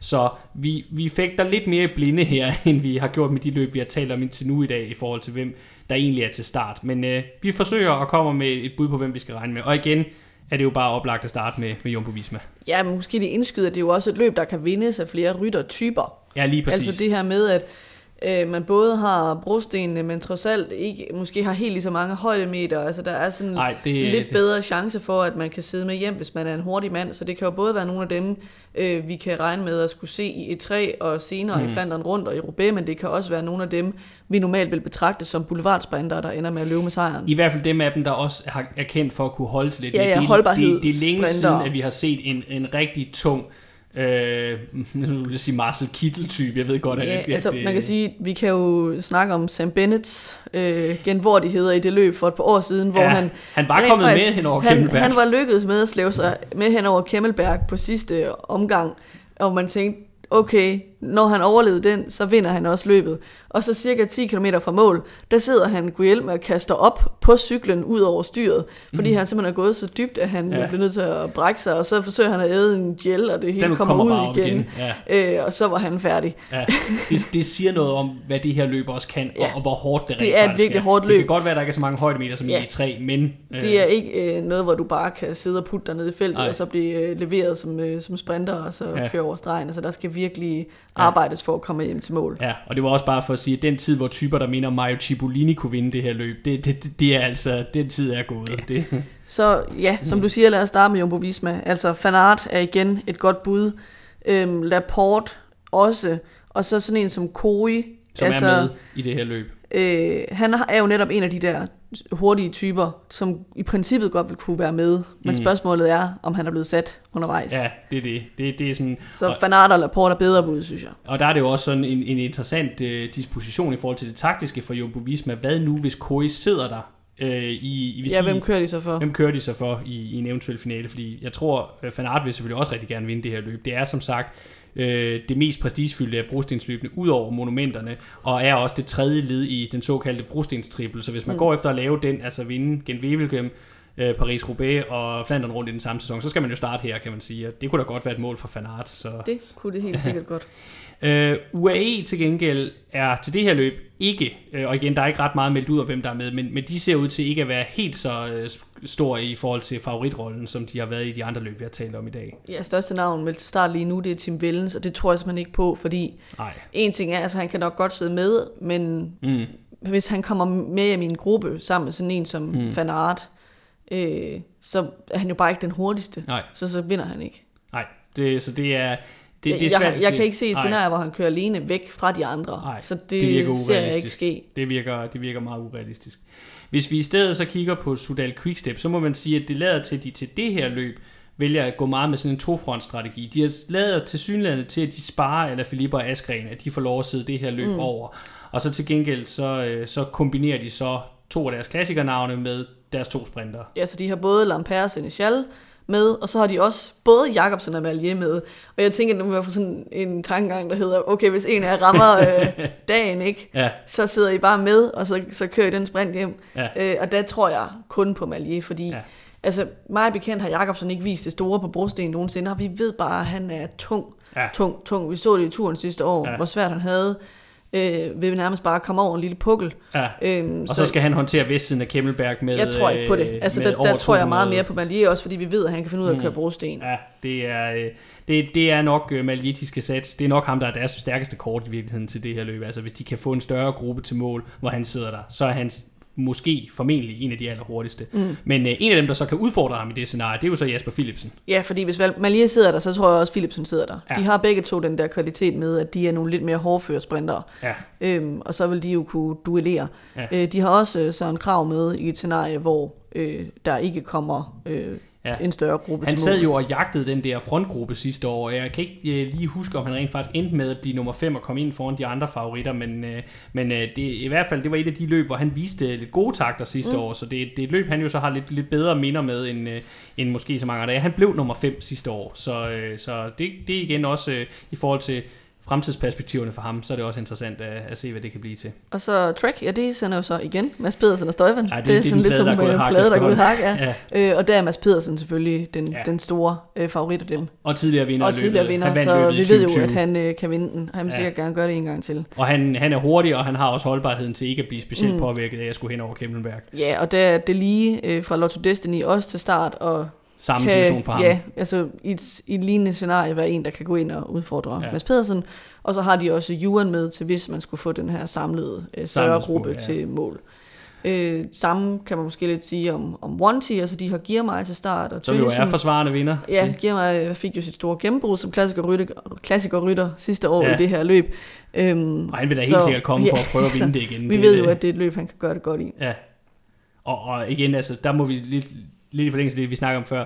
Altså, det er lidt usikkert med formen, men hvis formen er der, så, altså, så er han en af de største favoritter. Jeg vil også Klart. sige, også sige, efter sådan et løb her, der kan jeg godt se et scenarie, hvor øh, fartforskellen mellem ham, Malier og Philipsen måske er blevet lidt udlignet. Også, Ja, hvis det fordi en løbet har større- været så hårdt. Fordi løbet ja. Ja. har været så hårdt, ja. Så, så helt klart også en, øh, en, en altså igen, han må, det her løb vil jeg virkelig se ham som en af favoritterne, det vil Mm. jeg sige. Tønnesen lidt mere, lidt mere tvivlsom, vil jeg sige. Så endnu et hold, der kommer sådan lidt en, en dobbelt tilgang, det er øh, Gruppe Hamar efter J, som både det, har... Der, der skal jeg sige, jeg har skrevet øh, parentes omkring det meget, og det er fordi igen, der er jo ikke ret meget, der er offentliggjort her, og det meget er ikke på startlisten. Nej, må ikke, øh, han skal køre den. Det er det, jeg tænker, altså det er derfor, jeg har skrevet ham på som en parentes, fordi jeg har svært ved at se, Hvorfor hvorfor, skulle de, han ikke hvorfor skulle de ikke tage ham med? Altså hvis de andre kan sidde der, så kan altså Philipsen... Ja, øh, og måske endda en bedre chance for at sidde der. Han er en rimelig hårdfører Ja. sprinter. Ja, ja. De, Øh, så det vil i hvert fald give rigtig god mening, hvis de både sender ham og Køng øh, afsted sammen. Hvis han gerne vil vinde en stor klassiker, så vil jeg faktisk sige, at det er det her, det her løb, der er, den, der er hans største chance for ham. Jeg ved godt, at han har en drøm om Paris-Roubaix, men jeg vil sige, hvis han skal have den der store klassikersejr, ud over Milano Ja, så Sanremo, som han har godt vundet, bud. så er Gent Wevelgem for mig altså klart det bedste bud.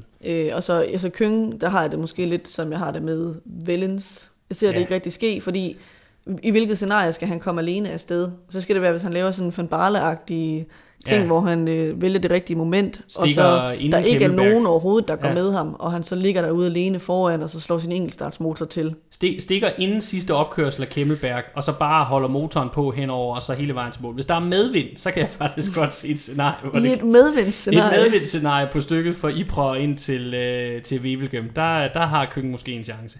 Øh, Bahrain, de lader Mohoric øh, sidde over øh, til det her løb, lader det til. Øh, men så er det så op til de unge folk, Wright og Milan, øh, at gøre det i stedet Det er for. to hurtige folk. Det er to hurtige sige. folk. Wright nok lidt stærkere på stigningerne end, mm. Øh, end Milan. Og igen, Milan han er så tung, Han at, er tung, øh, ja. at altså, jeg vil så sige, han, han viste jo lidt i omløb. Der prøvede han sig jo lidt af også at gå ud og sådan noget. Så, men så i Paris-Nice, der havde han bare så svært ved at sidde med, selv de dage, hvor der ikke var så mange udfordringer. Så det, det er sådan lidt svært at vurdere, hvad, hvad vi skal tro der, synes jeg. Altså det, det er sådan lidt sådan, jeg har det med ham. Men øh, altså, så hvis det, hvis det er omløbudgaven af Milan, så kan jeg godt se ham være i en, i en lidt større finale.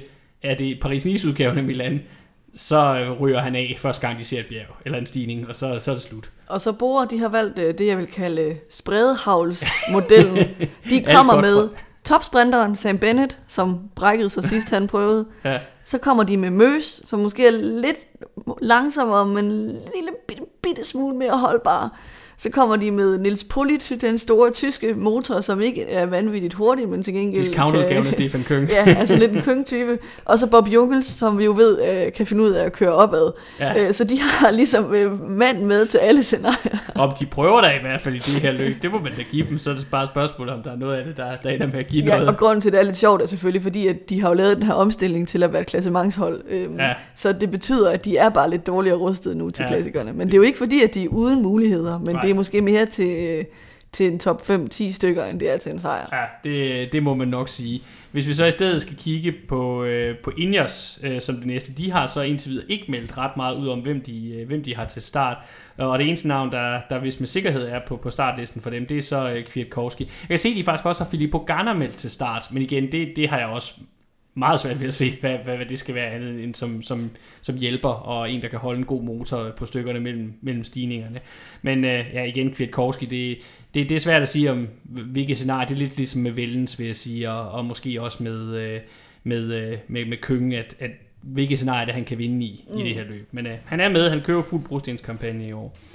Så øh, synes jeg til gengæld, det er mere relevant at snakke om Uno X, fordi at de er så med i det her løb, og de har Alexander Kristoff til start. Og det her løb, det kan jeg altså godt se et scenarie, hvor at øh, den store nordmand, han, øh, han kan være øh, en, der spiller en afgørende rolle i finalen. Også bare fordi, at det han kan bedre end nærmest end nogen anden, det er det der med at sprinte efter en lang, hård dag. Ja. Det er som om, at øh, relativt, så det han taber af fart er meget, meget lidt sammenlignet med, hvad Ja. ja. andre taber. Helt så selvom afgjort. han ikke er den hurtigste i en restitueret sprint, så nogle en, gange... en re- reduceret sprint, ikke også? Nej, rest, restitueret, Nå, altså restitueret mener, sprint. at Ja, hvis du okay, ja, satte undskyld, dem op, ja, satte dem til at, at Ja. varme op, og så lod dem sprinte mod hinanden, så vil han ikke være den hurtigste. Men efter 200 øh, plus Ja, 200, Kilometer. plus 250 km Ja, i det her tilfælde. øhm, og en masse hårde brostenstykker, så kan han godt være den, der er hurtigst, fordi mm. at han har mistet mindre af sin topfart, end andre Ja. har. Og han har også vundet løbet tidligere. Han vandt det i 2019, så han har også vist, at han, han kan, kan øh, være med og kan vinde i, i, i det her løb med, med de udfordringer, der er undervejs. Den sidste, jeg lige vil nævne, og det er måske lidt på samme måde, som at vi nævnte Fanava Avermaet og Næsen før, da vi snakkede i e 3. Øh, Det er Peter Sagan, der jo kommer fra Total Energi, og jeg må jo sige, det er ikke meget, vi har set til Peter Sagan i år endnu, og, og det virker måske lidt som om, det er en afskedsturné, han er på øh, i år. Grunden til, at jeg lige synes, det er værd at nævne ham, det er fordi, at han har jo vundet løbet tre gange, som jo også er rekorden, så hvis han skulle vinde det igen, så vil han faktisk være den mest vindende rytter igen i Wevelgems historie med fire sejre. Men jeg må også være ærlig at sige personligt, at jeg har svært ved at se, at det sker. Det bliver heller ikke ham, jeg kommer til at gætte på som vinder, det siger med det. Det, er fair nok. Og det synes jeg så, at vi skal, skal gå videre til. Hvem ser du som vinder af Gent Wevelgem 2023? Her er jeg faktisk ikke i tvivl om, hvem man vil byde på. Jeg vil gerne byde på Arno Delige. Og det er fordi, at han har vist, at han er i så drøn god form. Mm. Øh, samtidig med, at jeg synes, det er et løb, der ligger godt til ham. På samme måde, som det ligger godt til en Giermeier, ligger godt til en Mads P. Og der synes jeg bare, vi har set med Delige, at han virkelig er Mm. kommet ind i sæsonen i ja. rigtig, rigtig god form. Og jeg tror på, at det bliver det her forår, mm. hvor han tager det der ekstra Ja. øh, trin op, som Giermeier gjorde sidste år. Så Ja. jeg skyder på ham. Det lyder som et rigtig, rigtig kvalificeret bud. Jeg vælger så at øh, gå med, at vi i år, uden selvfølgelig overhovedet at kende noget til vindforhold og sådan noget nu, får en lidt mere samlet afslutning. Og der peger jeg på Jasper Philipsen som øh, vinder af årets Gent Efter en periode, hvor etabeløbsrytterne har været i fokus, overtager klassikerprofilerne nu for alvor scenen. De kommende uger kommer først og fremmest til at handle om duellerne øh, om de store trofæer, der vindes på en enkelt dag. Først i form af det monument, der på en gang som sagt er det nemmeste og det sværeste at vinde i Sanremo, og derefter de løb, der kræver råstyrke, teknik og løbsforståelse på et ekstra højt niveau på grund af det vanskelige brostensunderlag. Vi får dog som sagt også lidt spansk etabløb undervejs, og vi håber, at du, kære lytter, nu føler dig godt klædt på til det hele. Hvis du har kunnet lide dagens program og de øvrige programmer, du har hørt fra os, så giv os gerne en anmeldelse i den podcasttjeneste, du benytter dig af, og rigtig gerne en femstjernet en af slagsen, så kan det jo være, at der er endnu flere, der kommer til at kende til os.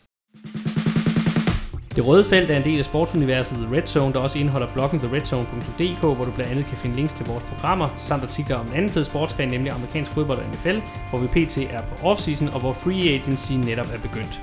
Vi vender formentlig tilbage om cirka to uger med optag til blandt andet de to store brostensmonumenter, Flanderen rundt og Paris-Roubaix. I denne omgang har du lyttet til mig, jeg hedder Peter Krohmann Brams, og med mig i studiet har jeg haft mere om Krohmann Brams. Vi lyttes ved.